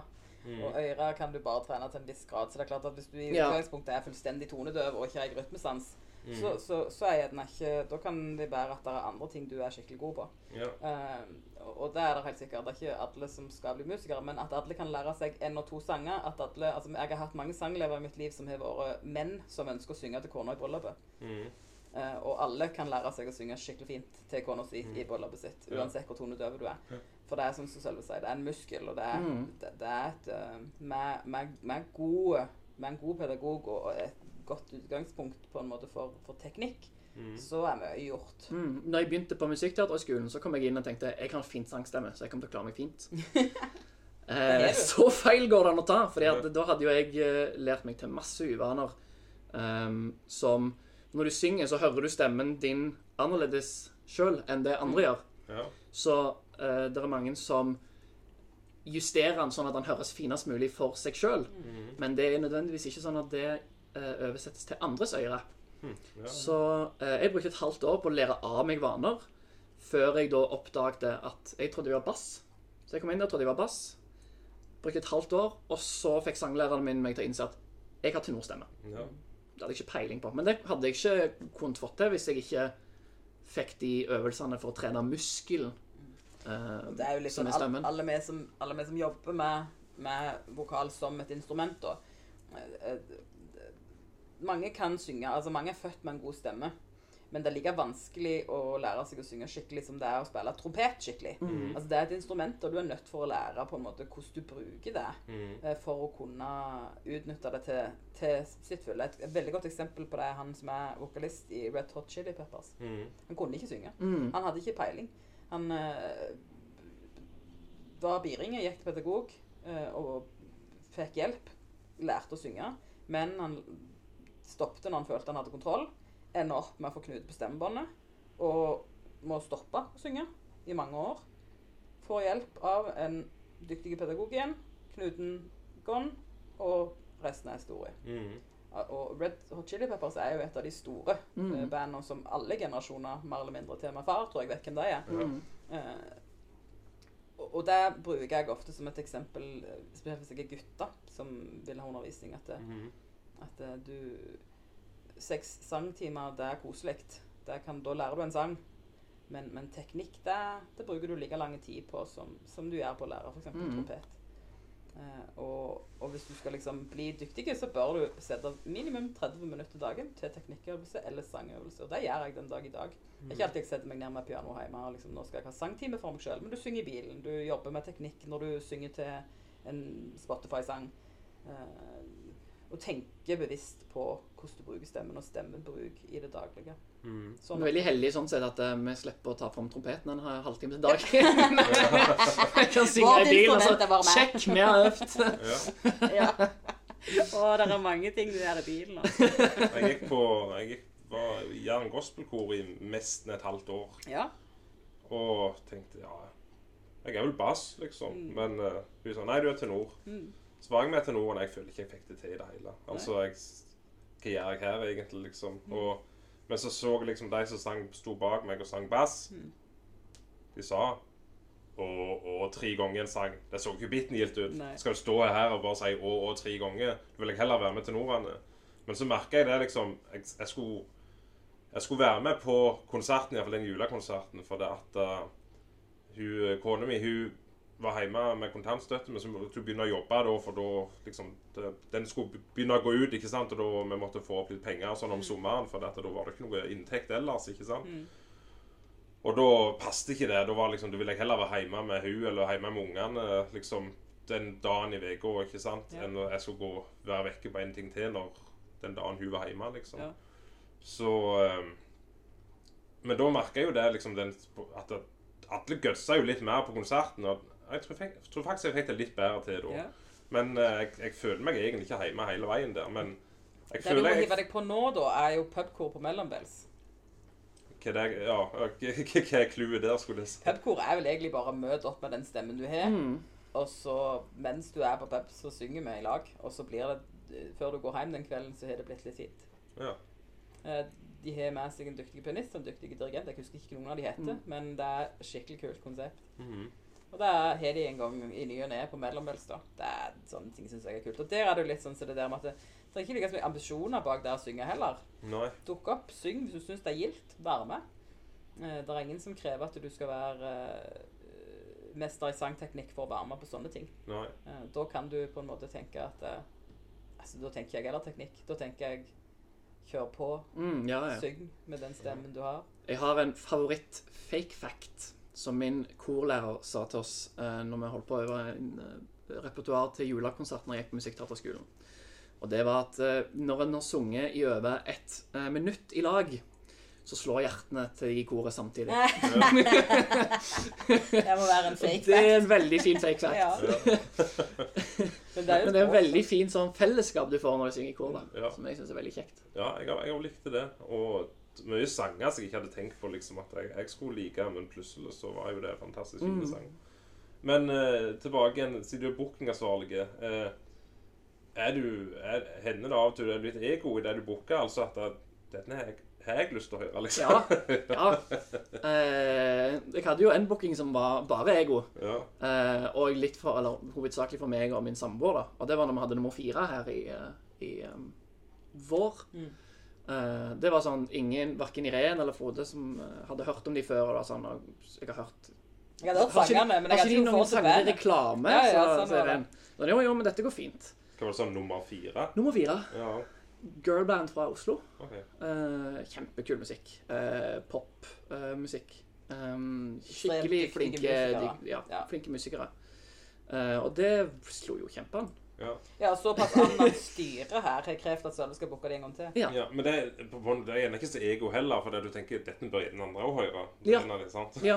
Men jeg hadde jo ikke peiling på hva nedslagsfelt jeg egentlig hadde på Jæren. For jeg hadde jo vært i sånn Oslo-bobla i seks år. Mm. Så det var jo en råsjanse, egentlig. Eh, men uh, det gikk jo så det suste. Ja, og Dyveke syntes det var strålende. Ja. Hun kom Vi bak fikk komme bak her og treffe koste de og ta bilde med dem. Ja, ja. Ja, Det er en av frynsegodene. Ja. At vi får på en måte At det er vår Ja. lekeplass. At vi kan bestemme litt hva Ja. vi har lyst til å se. Det tror jeg er helt greit. Mm. Jeg er innafor det. Så brenner du mer for det prosjektet som skal være, og da gjør du en større jobb med å Ja. selge billetter til det. Så vi jobber jo mye nå med å identifisere hva målgruppa til Hvelvet scene er. Mm. Og der har vi jo kommet ganske mye lenger nå i de eh, halvannet årene jeg har jobba her, at uh, vi har funnet ut av hvem som går på konserter, og hva, hva det er egentlig marked for. da. Mm. Så det er kult. Nå har vi funnet ut av det at det er uh, målgruppa vår er mellom 35 og 60. Ja, 65. Ja, 65. Og da har vi um, mye rock Mm. som vi kan uh, gønne på med, og mer sånn um, koselige sittekonserter. Ja. Men òg i, det- i det feltet så ligger jo disse her menn 45 Ja. som vil se heavy. Mm. Sånn at det, nå i vår, når vi liksom skal plutselig ha på kassa, Mm. og så en liten måned seinere så er det Ole Paus-tribute, liksom. Altså det er veldig sånn eh, kontraster imellom det sarte og ja, I januar kommer det en del jazz. Eh, Det er sånn Hvor langt fram er det eh, ting booka? Er det Nå er det- holder jo jeg på å booke høsten eh, Ja. neste år. Ja. Um, så det er ikke noe som er signert ennå, men det, er ganske, det blir en ganske kul høst hvis jeg får det som jeg vil nå. ja. Eh, det blir større program da enn det vi har hatt til nå. Og så er det jo bivirkningen av å sitte og booke sånn, er jo at plutselig så er det sånn Nei, vi skal ikke ut i 24, men vi skal ut i 25. Ja vel, Mhm. da booker vi nok 25. Så du, du jobber jo med 2025. nå. Ja. Ja. ja. Mm. Det er greit. Eh, deg, da? Ja, meg. Historien din? Jeg er fra Undøy. Eh, Jeg er født på Narve. Mm. eh, I, i, midt i en sånn musikkfamilie, da. eh, Med en, en bror en bror, en bror og ei søster som er mye eldre enn meg. Mm. Som hørte til i, i, i miljøet som var på Narve. Altså gamle Bø, egentlig. Eh, Puddelrockere og, og ja, broren min var musiker helt fra barnsben og jobbet med, med sånn Saturnalia og var kompis med Hans Berge Stokkeland. og Mm. Vokste liksom i det, da. Så jeg, Ja. helt jeg var helt liten, så når de satt barnevakt, så dro de med meg på dette her gamle Bø, som var en sånn lokal øvingsarena. Eh, og de jobbet mye med sånne revyer og sånn som var eh, på, hadde utspring da, i Samfunnshus på Narve. Mm. Så jeg, jeg liksom jeg, jeg har ikke hatt noe annet liv enn enn musikk og, og teater, egentlig. Drama. og Ble du tvunget med det, eller ville Nei, du, jeg var tror- du, maste du om å være med? Til en viss grad så syns jeg jo det var ekstremt kult å få være med de store Ja. på en måte på det de holdt på med. Samtidig så, så, så tror jeg det er mye i det der at enten så hater du det, eller så eh, forelsker du deg i det. ja. Og jeg var nok heldig som forelska meg i det. Og når jeg da etter hvert eh, ble eldre, så flytta vi til Undøy. Eh, og da ble mor av dem som et tiltak på å liksom integrere seg sjøl i, i miljøet. på Undheim medlemmer i Undheim, det som da heter Undheim Revyteater. Ja. Uh, og der sto jeg på scenen første gang da jeg var ni, ni år og sang. Uh, og begynte da å synge rundt overalt, egentlig. Og når jeg da skulle begynne å velge retning i livet, så ble det naturlig for meg å velge musikk. Mm. Um, og når jeg var 18 og var russ, så starta jeg mitt første ungdomsrevylag Ja. på Onøy. Eh, og begynte der å skrive både musikk og, og sketsjer og en del sånne ting. Mm. Og det ble på en måte opphavet for det jeg driver med i dag. Så helt siden jeg var 18, så har jeg egentlig tenkt at jeg skal drive et kultursenter. Eh, sånn at jeg har vært veldig ambisiøs egentlig så lenge jeg kan huske. ja. Bevisstheten dette lenge, egentlig. Egentlig. Ja, ja. Og har jobbet bevisst med det også i mange, mange år. Uh, tok har mange år mange år på universitetet uh, og jobbet med Jeg har drama, jeg har jazz, jeg har sang. Jeg har eh, en bachelor i kunst- og kulturvitenskap. Jeg har jobbet med kulturforståelse, integrering, um, kunsthistorie, kultur uh, Egentlig i, i sin helhet sitt brede felt. Mm -hmm. uh, og skreddersydd sånn at jeg er kompetent til å drive Kulturbanken. da. ja. Uh, og så er jeg jo I bunnen av alt dette så er det jo musikk. Og, mm d- musikerdelen av meg, da, som er hva skal vi si, bensinen for alt jeg driver med. Mm. Eh, så jeg òg Nå er jeg litt eldre enn Sølve, men eh, jeg òg har gjort mye sånn semiprofesjonelt og amatør og sånn. Eh, men har òg jobbet på en del større produksjoner og som studiomusiker og sånne ting. ja. Eh, men har alltid trivdes best helt siden jeg var 18. Har jeg trivdes best med å eh, jobbe fram andre, da. Finne mm. kvalitet og potensial i andre. Eh, og har i lag med en som heter Peder Arga skrevet sju musikaler som Ja. er godkjent av Dramas. som jeg har lov å kalle meg for manusforfatter. ja. Og skriver jo mye musikk og jobber mye med musikk. Um, så det er på en måte egentlig meg. Jeg um, er jærbu av hele mitt hjerte. Uh, og jeg kunne nok lett med både, både bakgrunnen min bestemt meg for at, det var, at jeg skulle være en annen plass. For det er ikke bare bare å være kulturfrik på Jæren. Eh, sånn at eh, jeg tror nok gjerne det at jeg er en sånn utkjømt etterpåklart gjort at jeg ikke er så vant til å få nei. Mm. Og, og det har vært godt for meg eh, når vi skal jobbe fram noe som er såpass eh, banebrytende da, som Ja. Kulturbanken har vært, og Unge Spor, ikke minst. Det kan jo snu her, Bjørn, og det, det kan jo være det er grunnen til det snur her. Ja, det hadde vært Ja. jævlig Ja. kult hvis det var Ja. Men, men jeg, jeg brenner jo veldig for Jæren, og jeg brenner veldig for at du skal kunne bo på Jæren uansett hvem du er, og hva, uansett hva du driver med. Mm. Så skal du høre hjemme på Jæren. Ja. Eh, Og da tenker jeg at eh, hvis, hvis, uh, hvis jeg hadde hatt en sånn plass som Kulturbanken Og nå hadde jeg unna i samfunnshus da, for alt i verden. Jeg fikk jo lov å gjøre hva jeg ville der. Uh, men, og jeg hadde foreldre som, som, som jeg var veldig utkjømt, som sagt, så de kjørte meg jo på alt jeg ville, enten det var i Stavanger eller det var i Sandnes, så jeg fikk den undervisningen jeg ville på musikk. Men det er ikke alle som er det sånn. De bør få lov å ha det rett ut forbi dørene ja. i sitt lokalmiljø.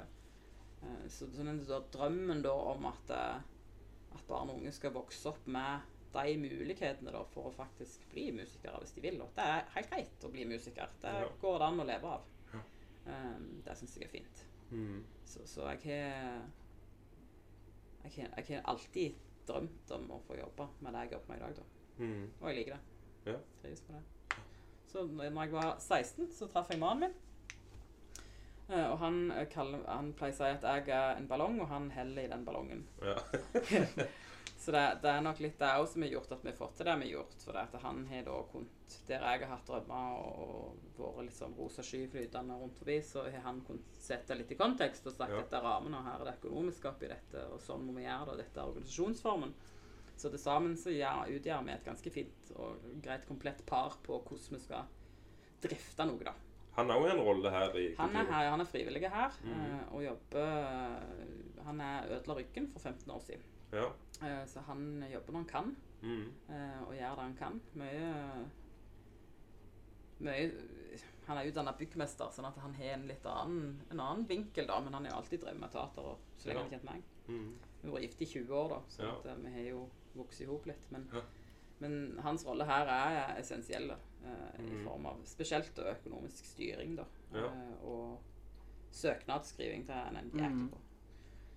Eh, så vi er nok gjerne altså, Jeg går i forening, så jeg sier alltid venninnene mine at de fatter ikke at jeg klarer å være så tett på mannen hele veien. Nei. Men vi er jo en enhet. Det er Ja. litt sånn Det er jo det. Vi henger i hop. Og så fyller vi ut hverandre de tingene han kan. Hjelper organisasjonen på den måten. og Min kompetanse hjelper organisasjonen på den måten, og det sammen så blir det litt sånn komplett. Det går jo tilbake til det vi snakket om roller. Mm. At uh, Når har en på seg arbeidshatten? Mm. Det merker jeg òg. Jeg jobber òg mye med uh, forloveden min. At uh, når vi er på jobb i lag, så har vi på oss andre hatter. Mm. Da har vi et annet forhold enn når vi er hjemme og lager middag og skal se film i lag. Men samtidig så tror jeg nok du syns det var, til å begynne med var litt merkelig å jobbe så tett med et ektepar. For det er klart at du har ikke samme filter. Altså, hvis jeg syns Frode er en idiot, så sier jeg det selv om jeg er på jobb. Ja, men det, jeg, jeg, jeg tror jeg er en litt sånn odd case der, fordi at jeg har stort sett bare jobba med folk som jeg er trygge på, som Ja. er trygge på hverandre. Og da får du et veldig sånn ærlig arbeidsmiljø, Ja. og det trives jeg veldig godt i. Det er litt sånn, jeg, jeg må av og til minne oss hverandre på at vi gjerne skal være litt sånn eh, Snille med hverandre. snille med hverandre på jobb. Ikke bare liksom Vi må gjøre det. Jeg har noen spørsmål til til deg, men jeg Ja. klokka er seks. Nå må du gå. Ja, eller? så jeg må ja. gå må gå og og, låse og låse opp for de som vil komme og spille brettspill. Ja. Det var greielig hyggelig å treffe deg. Ja, jeg like det. Og jeg Takk for håper praten. vi ser igjen. jeg. Ja, absolutt. ja. Må du komme på konsert, vet du. Ja. Så ser du selv. Yes. Snakkes. så ja. Jeg Ha sier det. ha det før jeg går. Ja, hvor var vi slapp hen? Nei, vi snakker om historien min. Ja. Um, og så tror jeg at det, uh, det, det må være litt sånn ildsjel i, i, i, hvis du skal drive noe sånt som Kulturbanken. Mm. Og det er klart at det får du når du kommer ifra sånn unna i, liksom. Ja. Der er vi vant med å jobbe for det Ja. vi vil. Jeg jobbet jo en del år pro bono, altså før jeg fikk lønn for Ja. spor. Um, mens etter hvert så så vi at det var bærekraftig at jeg kunne ta ut lønn. Så jeg er, jo- nå er jeg ansatt her 100 ja. Uh, og, og på en måte kan leve av det. Uh, sånn at den der ildsjela Idealisten i meg, den er på godt og vondt. Mm. Så det det, er det er ikke, Noe får vi bare lønn for i himmelen, tenker jeg. Ja. Så det er greit. Ja. Eh, så jeg er veldig idealistisk, og det har jeg jo for det at jeg er jærbu. Mm. Eh, og det er litt sånn at jeg tror hadde ei jente som gikk i ungspor i mange år, som, som kom fra Ahaug. Eh, og hun, hennes barndom var jo på Iden Mm. på Varhaug. Og der, der var de jo vant å gå dugnad. i Ja. Sånn og sånn. Og, Ja. og i dag er det mor som skal lage kumler på Iden, og jeg skal servere. Altså, det var veldig sånn Og hun kunne jo ikke forstå av og til når hun var her, og Bryne-ungene ikke forsto hva det var, og ikke forsto at de måtte gå dugnad. Og det tror jeg jeg tar med meg veldig sånn at jeg jobber veldig for det der at vi eh, skal forstå at det, å drive et samfunn innebærer faktisk at du må gjøre en innsats, og den innsatsen er ikke alltid lønna med noe annet enn at du gjør samfunnet bitte litt bedre. Mm. Og hvis alle hadde hatt en sånn tankegang om at de ville være med og utvikle samfunnet, og ikke nødvendigvis krevde så grævlig mye mer igjen for det enn en god plass å bo, Mm. um, så hadde det vært til alles beste. Og Det får de jo til på Narpe, og det får de jo til på Barhaug. Så det kan vi få til her oppe på Bryda. Det er nok egentlig mange, ganske mange som er enige, men at de gjerne ikke er det på en måte at oh, jeg gidder ikke å dugnad. Men de er nok enige i akkurat det du sier, Mm. at vi må jo gjøre det. Mm. ikke sant? Men så er det liksom okay, jeg? Men, men si, si de hadde hørt på dette, her, så hadde de sikkert tenkt jeg, jeg kunne jo gjerne gi litt mer Mm. dugnad. sant? Så, Og så er det ikke nødvendigvis det Altså, vi trenger alle, alle typer dugnadsfolk. Det gjør vi. Mm. Eh, Men, men, men hvis du har noe du tenker mangler i samfunnet Så det er en Mm. idé du har, en organisasjon, et eller annet som du tenker 'dette skulle vi hatt'. ja. Ikke sitt og klag, bare gjør det, da. Bare Nei, få da- gang på det. Det er en kollega av meg, han eh, han eh, liksom var med det. er alltid sånn ditt og datt. 17. mai-komiteen. åh, Kan ikke fordra det. liksom Alt dette der må være med på. Men så var han med og så eh, serverte øl på, eh, på Jernått. Ja. Så så surt på det òg. Men sånn, det vil jeg være med på neste år. Mm, ja. Og Da fant han sine ting, liksom. Mm. Det var visst Og, og da bidrar han kjempemye. Ja. For det, det er et menneske som trengs. mm. Eh, Men jeg er også litt opptatt av det der at du Altså det er en ting eh, Før vi begynte podkasten i dag, så sa jeg litt om det der med, så snakket vi jo litt om det med å gå dugnad i barnehagen når du Ja. føler du ikke er til nytte i det hele tatt. Egentlig så bare får du vaska håndtak, liksom. Ja. Eh, Så, så de som er dugnadsansvarlige, må være flinke og ha, gode, ha dugnader som faktisk er, gjør en forskjell, da. ja. Uh, og så må du òg tenke at det, jeg skal ikke bare gå dugnad som i at jeg skal være med og servere øl, eller jeg skal vaske noe, eller jeg skal være med og selge i ei bu. Mm. Du må tenke at det, hvis du har en idé som du tenker er god, luft den med andre og sett det til verks, da. Mm. Det, det, det er ikke noe som heter at du ikke kan prøve deg. Mm. Um, og alle kan Alle kan få til ting. Alle, altså Hvis du vil noe, så får du det til. Mm. Uh, knytt til deg den kompetansen som, som må til for å, for å dra i gang ting, og gjør det. Mm. Uh, det er, er for mange som, som sitter på rauet og ikke gjør noe med det de tenker skulle vært gjort noe med. Mm. Uh, og det håper jeg er en sånn Når jeg dør, så håper jeg at folk har hørt at jeg har sagt det. Sånn. Ja, ja. Jeg ser jo jeg var inne på ei eh, nettside eh, som sikkert du har Vet ikke om det er lenge siden du brukte den. Helt sikkert. Ja. Helt sikkert. Og der så jeg det var ganske Ja, du hadde ganske mye på på raideren din, om du skulle kalle det det. ikke sant? Men, CV-en. ja, på CV-en. Eh, blant annet av liksom sangtimer og teaterstykker og det, det er som en ma- manusforfatter, som du sier, og eh, dikta sanger, bryllupsskrive om sanger, skrive det på jærsk og dette der. Jeg så òg det hadde vært i Var det høstsemester i California? Jeg studerte i USA en stund. Ja. Eh, det gjorde jeg fordi at eh, jeg hadde lyst til å reise litt. Det var Ja. egentlig kun det som var intensivet. Men så tilbød de eh, en del spennende fag som jeg hadde lyst til å ta på et eh, college i Sacramento utenfor Ja. San Francisco. ja. Eh, så der var jeg og, og tok noen fag bare i forbindelse med en bachelorgrad som jeg holdt på med. Eh, og da eh, jobbet jeg primært med drama og regi. Mm. Men hadde også litt jazz. Så det, det var en del av et studieforløp, da. Men jeg, jeg, ble, jeg fikk lov å være student veldig lenge. For det at jeg som sagt traff mannen min grævlig tidlig. Sånn at når far slutta å betale regningene, så begynte han. så jeg kunne og hadde anledning til å, å studere. Så jeg var nok en litt sånn eh, på et gitt tidspunkt en litt sånn evighetsstudent. Ja. Jeg slutta ikke å studere før jeg hadde fått flere unger. Nei. Det var alltid noe jeg kunne ta, alltid noe Ja, jeg kunne lære. Ja. Så jeg er, jeg er nok over gjennomsnittet glad i å, å gå på skole. Ja. Um, Men det er du selvfølgelig litt For folk som gjerne er skoleleie, så er det gjerne ikke akkurat plent noe de er interessert seg for. Men Nei. nå går jo du selvfølgelig noe du interesserer deg for. det gjør du. Ja. Og jeg, eh, jeg, eh, jeg har veldig konkurranseinstinkt. Så målet mitt med videregående var å få bedre karakterer enn søsknene mine hadde hatt. Ja. Det klarte jeg. Ja. Med glans. En hel Ja. karakter høyere enn deg i snitt. Ja. Uh, og etter det så ble jeg jo Da hadde jeg, da hadde jeg oppnådd såpass gode karakterer på videregående at alle dørene jeg ville skulle være åpne, var åpne. Mm. Og da plukket jeg jo bare. Ja. Og det, altså det første studiet jeg tok, i det var KRLE. Ja. Bare fordi at jeg uh, visste at jeg kom til å møte mye, mye i form av eh, altså kulturforskjeller. Mm. Eh, og studerte da KRLE et år. Så måtte jeg ta litt X-fil og litt X-fac. Og så tok jeg musikk, og så tok jeg jazz. Og så tok jeg eh, engelsk. Og så begynte jeg på kunsthistorie, som jeg da utvida til en bachelor i, eh, kulturvitenskap. Og så tok jeg drama da i USA. Jeg, jeg tror jeg holdt på på det universitetet i ni år. ja. Hvor lenge var du der i Sacramento? Første, første runden var jeg bare et halvt år. Mm. Eh, Så tok jeg noen eksamener i etterkant og reiste ned. Så det var, ikke, det var ikke så lenge i det store, lange livet. Men Nei. det var viktig. Ja. Eh, og jeg fikk på en måte gjort eh, Fikk lært mye. Tok med meg mye. ja. Ferierte du noe når du var der, eller var det Nei, det har jeg nok gjort mer i etterkant. Men Ja. det er klart at du, du går ikke på college sånn uten å, å få med deg litt av hva det betyr, da. Ja. sant? Eh, jeg var gift, sånn at Ja. det var ikke sånn at jeg hadde en veldig utspringende collegeopplevelse. Men, men, eh, men det var viktig for meg å lære om hva kultur det var. Ja. Uh, og så bodde jeg jo i ut forbi San Francisco, da. Mm. Sånn at det, det i seg sjøl er jo et eventyr å oppleve både Sacramento og San Francisco. jeg likte greiene godt San Francisco. San Francisco er fantastisk. Eh, og det å være på Hate Street og oppleve musikkmiljøet i San Francisco er jo et eventyr. Mm. Men så har vi jo eh, Altså Den dag i dag så har jeg jo kontakt med flere av de jeg traff. Ja. Uh, vi har ei som vi kaller for Aunt Katie, som jeg snakker med flere ganger i uka. Mm. Eh, sånn at vi har jo feriert mye tilbake til, Ja. til det som etter hvert ble sånn extended family, da. Ja. Og har mye mye bånd til USA Ja. på grunn av det. Mm. Um, sånn at den ferieringa i USA, det har jeg nok gjort litt i etterkant. Ja. Mm.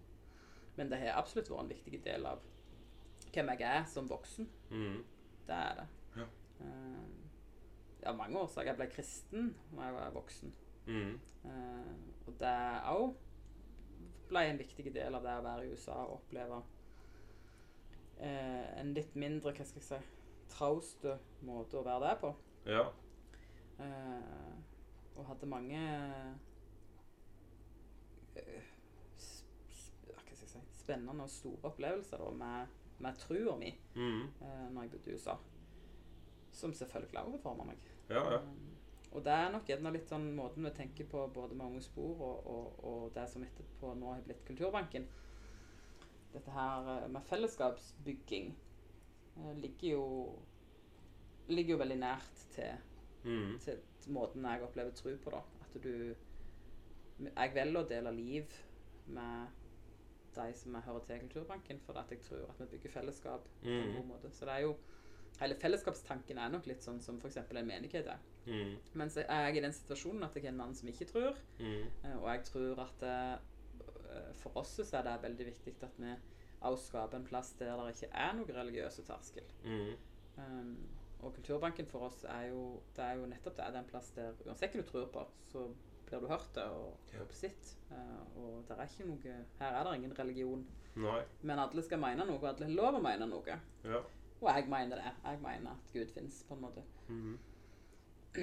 Og i, i Der er en del Altså Det er mange religioner som si det, men kristendommen spesielt har nok en veldig fin måte å tenke fellesskap på. Ja. Eh, og den fellesskapstanken eh, har blitt litt sånn grunnstein da, i Ja. hvordan vi tenker fellesskap. Og det er leveregler også, og liksom Det Det står så liksom Du kan i grunnen ikke slå feil Nei. med å fylle deg, Ikke gitt liksom. å så- på en måte. Nei, nei, det er innafor å la liksom- være. Du ble ikke Du ble ikke en elendig person av å fylle deg. Nei, du gjør ikke det. Eh, Og, og, og det er klart at det, eh, For oss som jobber mye med, med aksept og respekt, Mhm. eh, så, så er det mye diskusjon. Eh, Det er det, og, og i kulturværet så er det jo òg Møter du på mye som ikke nødvendigvis du ville møtt på i ei kirke, da. Ja. Um, og det gjør jo at mm, jeg står i mange spennende samtaler, Ja. og jeg får stå i mange spennende møter med mennesker, eh, som igjen beriker livet mitt, da. ja. Men det er, jo- det, er jo, det er jo ikke til å stikke under stol. I musikkbransjen, og sånn så er det jo Og skuespillere også sikkert det er alkohol og dop. Det, Ja, altså, men det er også, jo en- men også mye mm, Altså, i musikkverdenen så er det mye seksualisering. Det er mye eh, Blant barn og unge i kultur så er det mye psykisk helse. Mm. Mange, mange ungdommer, spesielt som er kreative, er jo også overtenkende mennesker. Mm. eh, som, som gjerne har- Vi pleier å si de har overaktive sinn, for de tenker så mye. Ja. Uh, og det gjør jo at vi møter, møter, møter mye sånn Altså dette her med psykisk helse, og også aksept for å være den du vil være. Mm. Og det er ikke, er heller ikke sikkert sikkert man stoler at mange av de som er uh, er kreative eller er musikere eller skuespillere, heller nok gjerne litt til, til det å være være annerledes, da. Mm. Um, hvis du treffer meg på gata, så tror jeg ikke du tenker at jeg er så fryktelig annerledes, men, men jeg tror allikevel at eh, jeg er det. Jeg Ja. tror at jeg Jeg eh, ser nok gjerne ikke på været sånn som alle andre. Nei. Og det er jeg ikke alene om å være i forhold til altså, Mhm. ungdommer på 16-17 som strever med å finne ut hvem de er.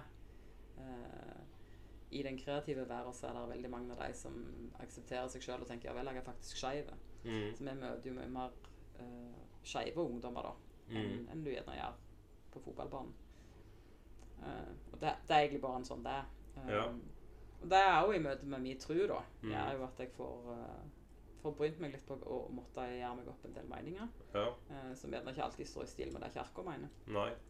Men så er det jo ikke Det er jo ikke vi som skal dømme noen heller. Nei da, og så er det heller ikke For det om jeg er kristen, så betyr ikke det at jeg eh, tror på det som uh, Som kirka tror på. Nei, det stemmer det. Og det er litt sånn poeng, da. At jeg, eh, jeg tror USA Ferden min lærte meg mye om at mitt forhold til tro er mitt personlige forhold til tro. Eh, det er ikke nødvendigvis sånn at jeg må følge en flokk. Nei. Eh, og det tror jeg mange kristne her ute òg hadde hatt godt av å kjenne litt mer på. At ditt, Ja. ditt forhold til Gud er ditt forhold til Gud, og så eh, må du gjøre deg opp en mening, ikke la menigheten gjøre, gjøre seg opp en mening for deg. Du har jo det som står skrevet, så har du religion utenom. Ja, sant. Og det er to forskjellige ting, tenker Ja, jeg. ja. Og, og, og for meg så er bønn veldig viktig. Jeg opplever at det er Det er der jeg eh, lærer å møte og utvikle meg som kristen. Mm. Eh, det er ikke nødvendigvis når jeg hører på mennesker som taler, eh, for det er menneskelig. Ja. Så gå til kjernen, liksom. Ja. Så ja, så tror jeg nok en, en stor del av hvem jeg er, og, og jeg, hvordan jeg jobber. Ja. Mm. Eh, musikkinteresse, da? Ja, jeg er jo Altså Jazz er viktig for meg. Mm. Eh, og da spesielt kvinnelige jazzsangere, og da type gamle ting. Sånn, altså Billie Holiday eller Mm. en av de ene som folk har hørt om. Så det er viktig for meg. Mens jeg, jeg er nok òg litt sånn altslukende. Eh, og spillelista mi er veldig varierte, men jeg er òg veldig mainstream. Mm. Eh, jeg tror eh, jeg fikk en sånn eh, Spotify Hva har du hørt mest på i år? Da var det 50-50 med Imagine Dragons. Det tror jeg må være en av de tingene jeg hører mest på. Og den andre var badebussen til Kjartan Lauritzen, fordi at jeg har tre unger som bruker min Ja. Spotify-konto. Um, så jeg, jeg, jeg tror nok jeg er litt sånn altslukende. Men også sånn som Sølve sa, så er det mye der jeg synger sjøl. jeg er Av sjanger så er jeg nok litt sånn soul. Mm. Uh, og da blir det naturlig mye sånn soul-musikk som står på lista. Ja. Janis Joplin eh, liker jeg å synge. Mm. Liker Nei, jeg liker mye løye. Eh, og en dag uten musikk er mer eller mindre en mislykka dag. Ja. uh, men så skriver jeg jo mye sjøl. Mm. Det gjør jeg og Det trives jeg veldig godt med. Ja. Da kan jeg jo skape det jeg vil. Ja. Og mitt eget uttrykk. Mm. Men det er for meg, da. Den Er det norsk eller engelsk, eller er det begge alltid på engelsk. Alltid på engelsk, ja. Er Jeg, jeg er der. Ja. Ja. Men det er litt sånn spesi ting Jeg leser mye. Jeg er ekstremt glad i å lese. Mm. Uh, beste gaven jeg har fått av mannen min uten de ungene med, er Kindlen min. Mm. Kindle er Hvis du ikke har kjøpt gave til kona di ennå, så kan du kjøpe Kindle til jul. Det er tidenes gave. Så jeg leser ekstremt mye, men jeg leser bare på engelsk. Ja. Og det tror jeg litt er fordi at når du har bodd i USA, og så vil du opprettholde språk Ja. Um, så litt for å fortsatt kunne si at jeg snakker bedre engelsk enn jeg snakker norsk. Um, men òg fordi at det er et mye rikere språk. Mm. Og det, for meg så er det i musikken òg så er det et rikere språk. Mm. Så hvis du skal høre på tekster, uh, så, så er nok jeg en sånn landssviker som sier at jeg syns engelske tekster ofte formidler mer, Ja. Uh, og mer detaljrikt enn det en norske tekst klarer. Mm. Men eh, en av de fineste norske sangene jeg vet, er uh, Anne Grete Preus, Mm. eh, som synger om 'Når hele himmelen detter ned'. Ja. Og det er klart at uh, der er mye fine tekster på norsk òg, blant annet. Ja, ja. Mm. Men jeg jeg, jeg, engelske filmer òg. Det er mye gildere, det. Ja. Det som du sier med den spillelista som du fikk opp Det var, var sikkert noe på Facebook du kunne linke til Spotify, så lagde han liksom sånn Sveinfestival, liksom. Ja. Så gikk han ut, så var det Hank Williams jr. eh, Han headlina den ene dagen, og Guns N' Roses headlina den andre dagen, og Torbjørn Egner headlina den siste dagen. Ja, Så, sant, så det var ikke sånn Men jeg sier det der listene blir bare helt tullete. For at når du har unger, så har du jo plutselig Altså, hun yngste skal høre på 'Vil du lage snømann' Ja. daglig. Og Barbie Girl står høyt på lista. Så Aqua kom liksom opp på lista Ja. mi dette året. Så har jeg en som sitter og hører bare på sånn Han eldste hører bare på sånn forferdelig musikk som jeg ikke klarer å forholde meg til. House eh, Det orker jeg ikke. Ja. House, techno, bråk. Det er, ikke, det er lyd for meg. Mens han i midten er sånn De som er finest farga på coveret, Ja, ja. han på, liksom. Men det var jo sånn de selger album før i tida. Ja, Det var jo sånn, så det Men nå sitter de og blar i listen. Ja. Så det, det der Spotify-listen min er nokså misvisende. Men det er når jeg er her, og når ikke stoler eller olje i, i hvelvet, sånn, så er det, alt, det er som regel alltid Imagine Dragons. Ja. Det er mye der det går. Ja. Jeg har jo begynt å spille Spille og synge Let It Go, da. Ikke Ja, sant? sant. Frozen, sånn som Det, det jeg synger for ungene mine når de skal legge seg, det er sånn uh, gammel jazz. Jeg synger um, Nature Boy. Det er den de ønsker seg oftest. mm. Eh, mens han i midten, han ønsker seg Tarzan-sangen Mm. hver dag. Han eldste, han skal bare høre You Never Walk Alone. Ja. uh, men det er mye Det er mye Det er mye fint i det å klare å bygge en musikkrelasjon til ungene sine, da.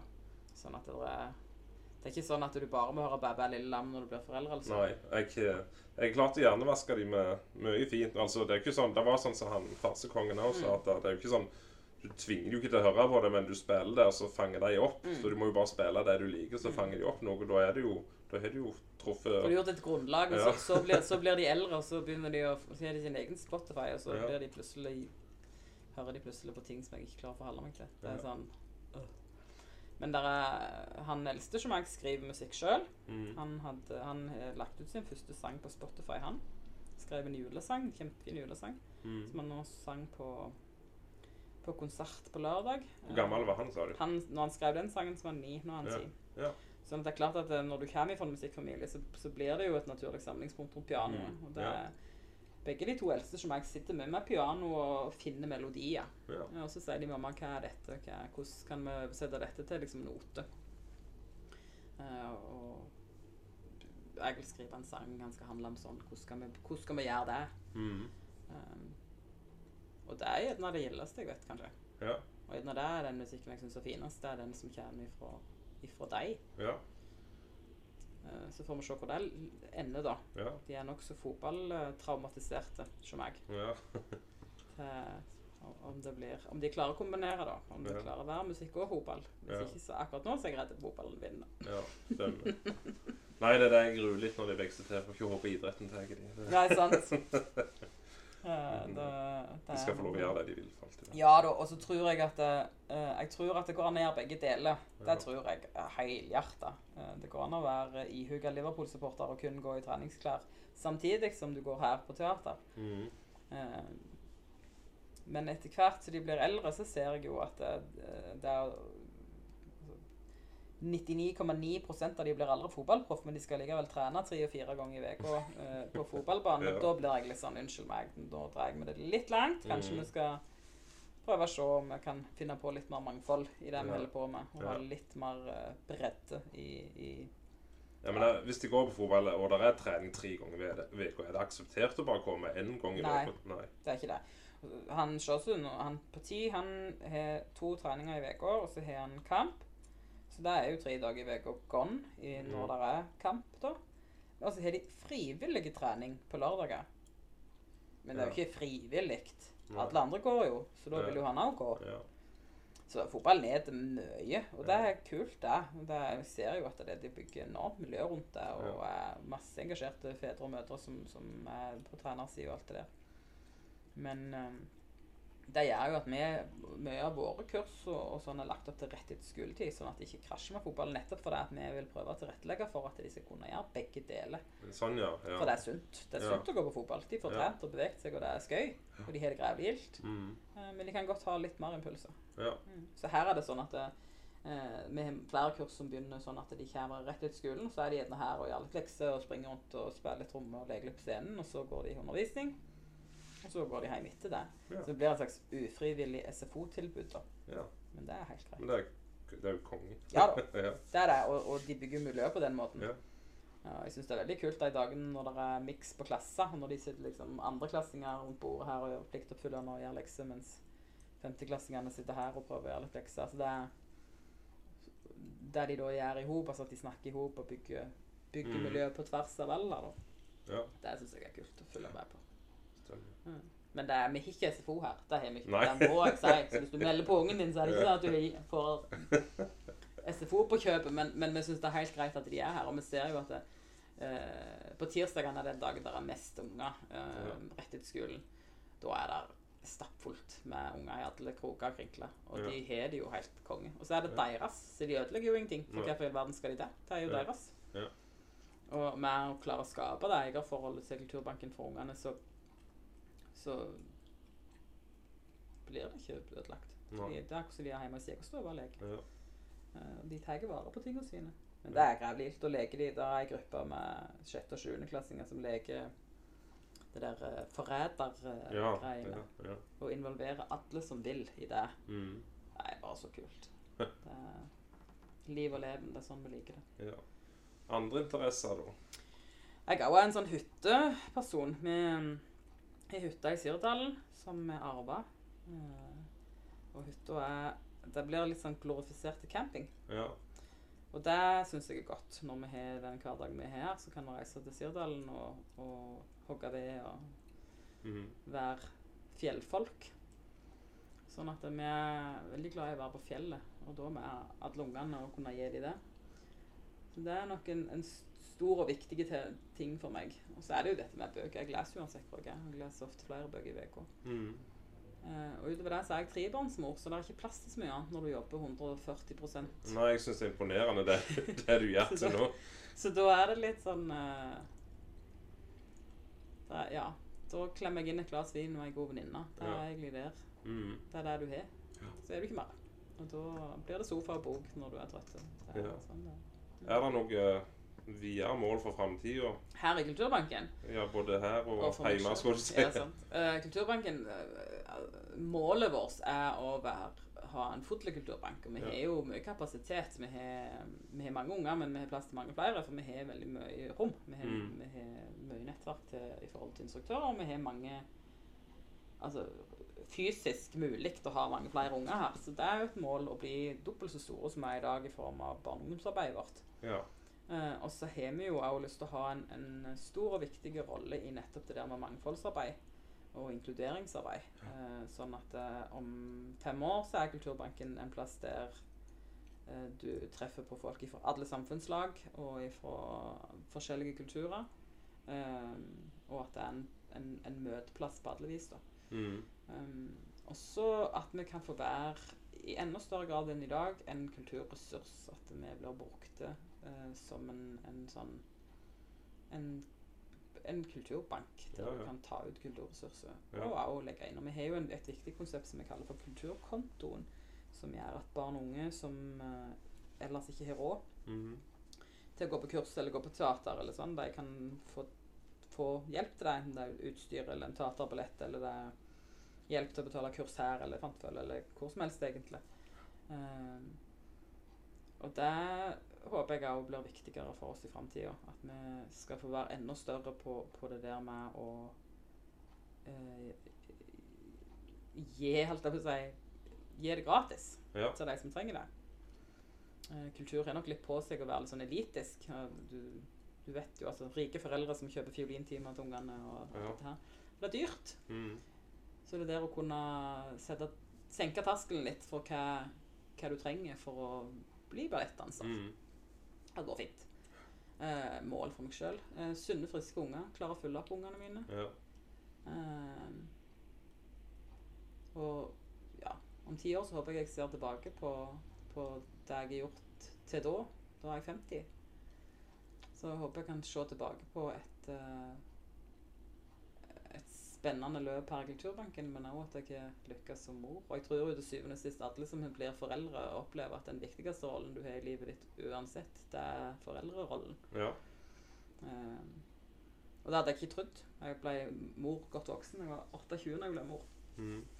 Og jeg hadde ikke trodd at det skulle bli den rollen som jeg eh, som jeg setter høyest av Nei. alle mine hatter og roller. Men det er det. Og, og det å være mor og, og, og kone, det er viktig for meg. Mhm. Så jeg håper jeg opplever lykke og lykke og framme. ja. At det går godt. Ja. Mm. Nei, jeg ser jo det selv for vår del. Vi har veldig fokus på det med ungene. At Ja. de skal De skal Vi må være der for dem. Hun eldste gir beskjed hvis at vi ikke er nok med henne. Altså det, vi har liksom hørt på henne. Og det er ikke Jeg sier at det, det har ikke vært så mye som konsertgang og sånn. Og det er ikke Jeg skulle ikke det på ungene. Det er fordi jeg heller, jeg vil heller være med ungene. Ja. Så Og så tror jeg altså Ungene først, men så er det jo hva det er, da. Mm. Uh, og det er sånn jeg opplever at det, på et gitt tidspunkt så er det ikke godt for ungene med slede og mor. Sant? Og, da, og da, er det, da må det litt sjølrealisering. Ja, da må du begynne på teater eller Ja. få deg en hobby eller gå på konsert med ei venninne. Ja. Men jeg merker jo at det, eh, det å reise på ferie, eksempel Altså betale en formue for å gå i Legoland er jo gildt. Ikke fordi jeg er det gildt, for jeg står jo der og passer på alle ryggsekkene og kjører ikke en karusell. Men ungene har det jo kjempegildt.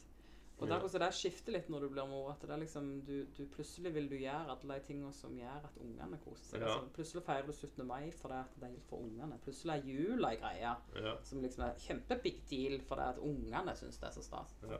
Ja, det har jeg merka sjøl. Jula ble jo helt konge. Det er det er jo dritmye gildere. Alt det, sant? Det er, du har noe å leve for Mm. eh, på en annen måte. Så familie er definitivt viktigst. Men så tror jeg jo at hvis morrollen min Altså hvis ungene mine, om, når de blir voksne, kan se tilbake på at de hadde en mor som Selv om jeg, jeg gjerne ikke alltid er hjemme når det passer dem, Mm. fordi jeg er på jobb, så kan de på en måte se tilbake på at mor gjorde en innsats og en forskjell. Mm. Eh, og at eh, akkurat deres mor var faktisk med på å endre litt måten Jæren behandler kultur på. Ja. Eh, og jeg tenker at det, selv om de av og til er forbanna nå fordi jeg ikke er hjemme, så er de gjerne ikke det om 20 år. Nei. Samtidig så er de jo her hele veien sjøl. Altså, Ja. De vokser jo opp. Heldigvis at du kan ha de her. De kommer, altså, Ja. de kommer etter skolen, og så er de her, og så spiller de litt tromme, og så springer de rundt, og så går de ned på skøytebanen en tur, og så er det eh, en sånn andre heim. Mm. Hun minste setter på musikk i dansesalen, og så er hun disko. Eller så er de med seg en kompis, og så blir det en sånn heim. Samtidig Mm. så må de ha forståelse for at vi må, vi må få gjort noe. Ja, stemmer det. Men det er jo ingen som ikke vet hvor ungene mine er. Nei. Jeg Sølve lærte fort det at han eh, ble kjent med ungene òg. Ja. Han begynte å jobbe her. Mm. Det tror jeg alle som er innom her, opplever. Ja. ja. De vet hvem de er. Stemmer det. Mm. Da har ikke jeg så mye mer på hjertet. Er det noe mer du vil få sagt? Jeg syns dette var gysla god drøss. Jeg Ja, jeg tenker, jeg, det. jeg tenker målet for oss med å snakke og være, være med på sånne ting som dette her, er jo at vi ønsker at folk skal eh, høre et slags budskap i det og, og, og bruke kulturlivet sitt. da. Mm. Um, og vi håper jo at alle som, alle som uh, er bitte litt interessert i kultur, eller har unger som de har lyst til å få inn, at de følger oss. Mm. Bruk hjemmesida og Facebook-sida, og følg Kulturbanken og Hvelv scene, liksom, og, og, bruk det. Og det er klart at til mer folk til mer folk bruker det, til mer blir der. Mm. Eh, Og det gjelder alt. Det gjelder ikke bare vårt tilbud, men alle tilbud du ønsker. Sant? Så, så det er klart at eh, målet med Målet for, for oss med å være, være med på din podkast er jo at dine lyttere skal gjerne kunne få øynene opp for at det er et tilbud for deg. Ja. Mm. Og nå skal jo du begynne på teater. så da- Ja, ja, ikke sant? Det, ja. Nei, men eh, da eh, Da takker jeg for meg, og det var gildt jeg fikk komme. Det var grevlig gildt du kom. Ja, takk for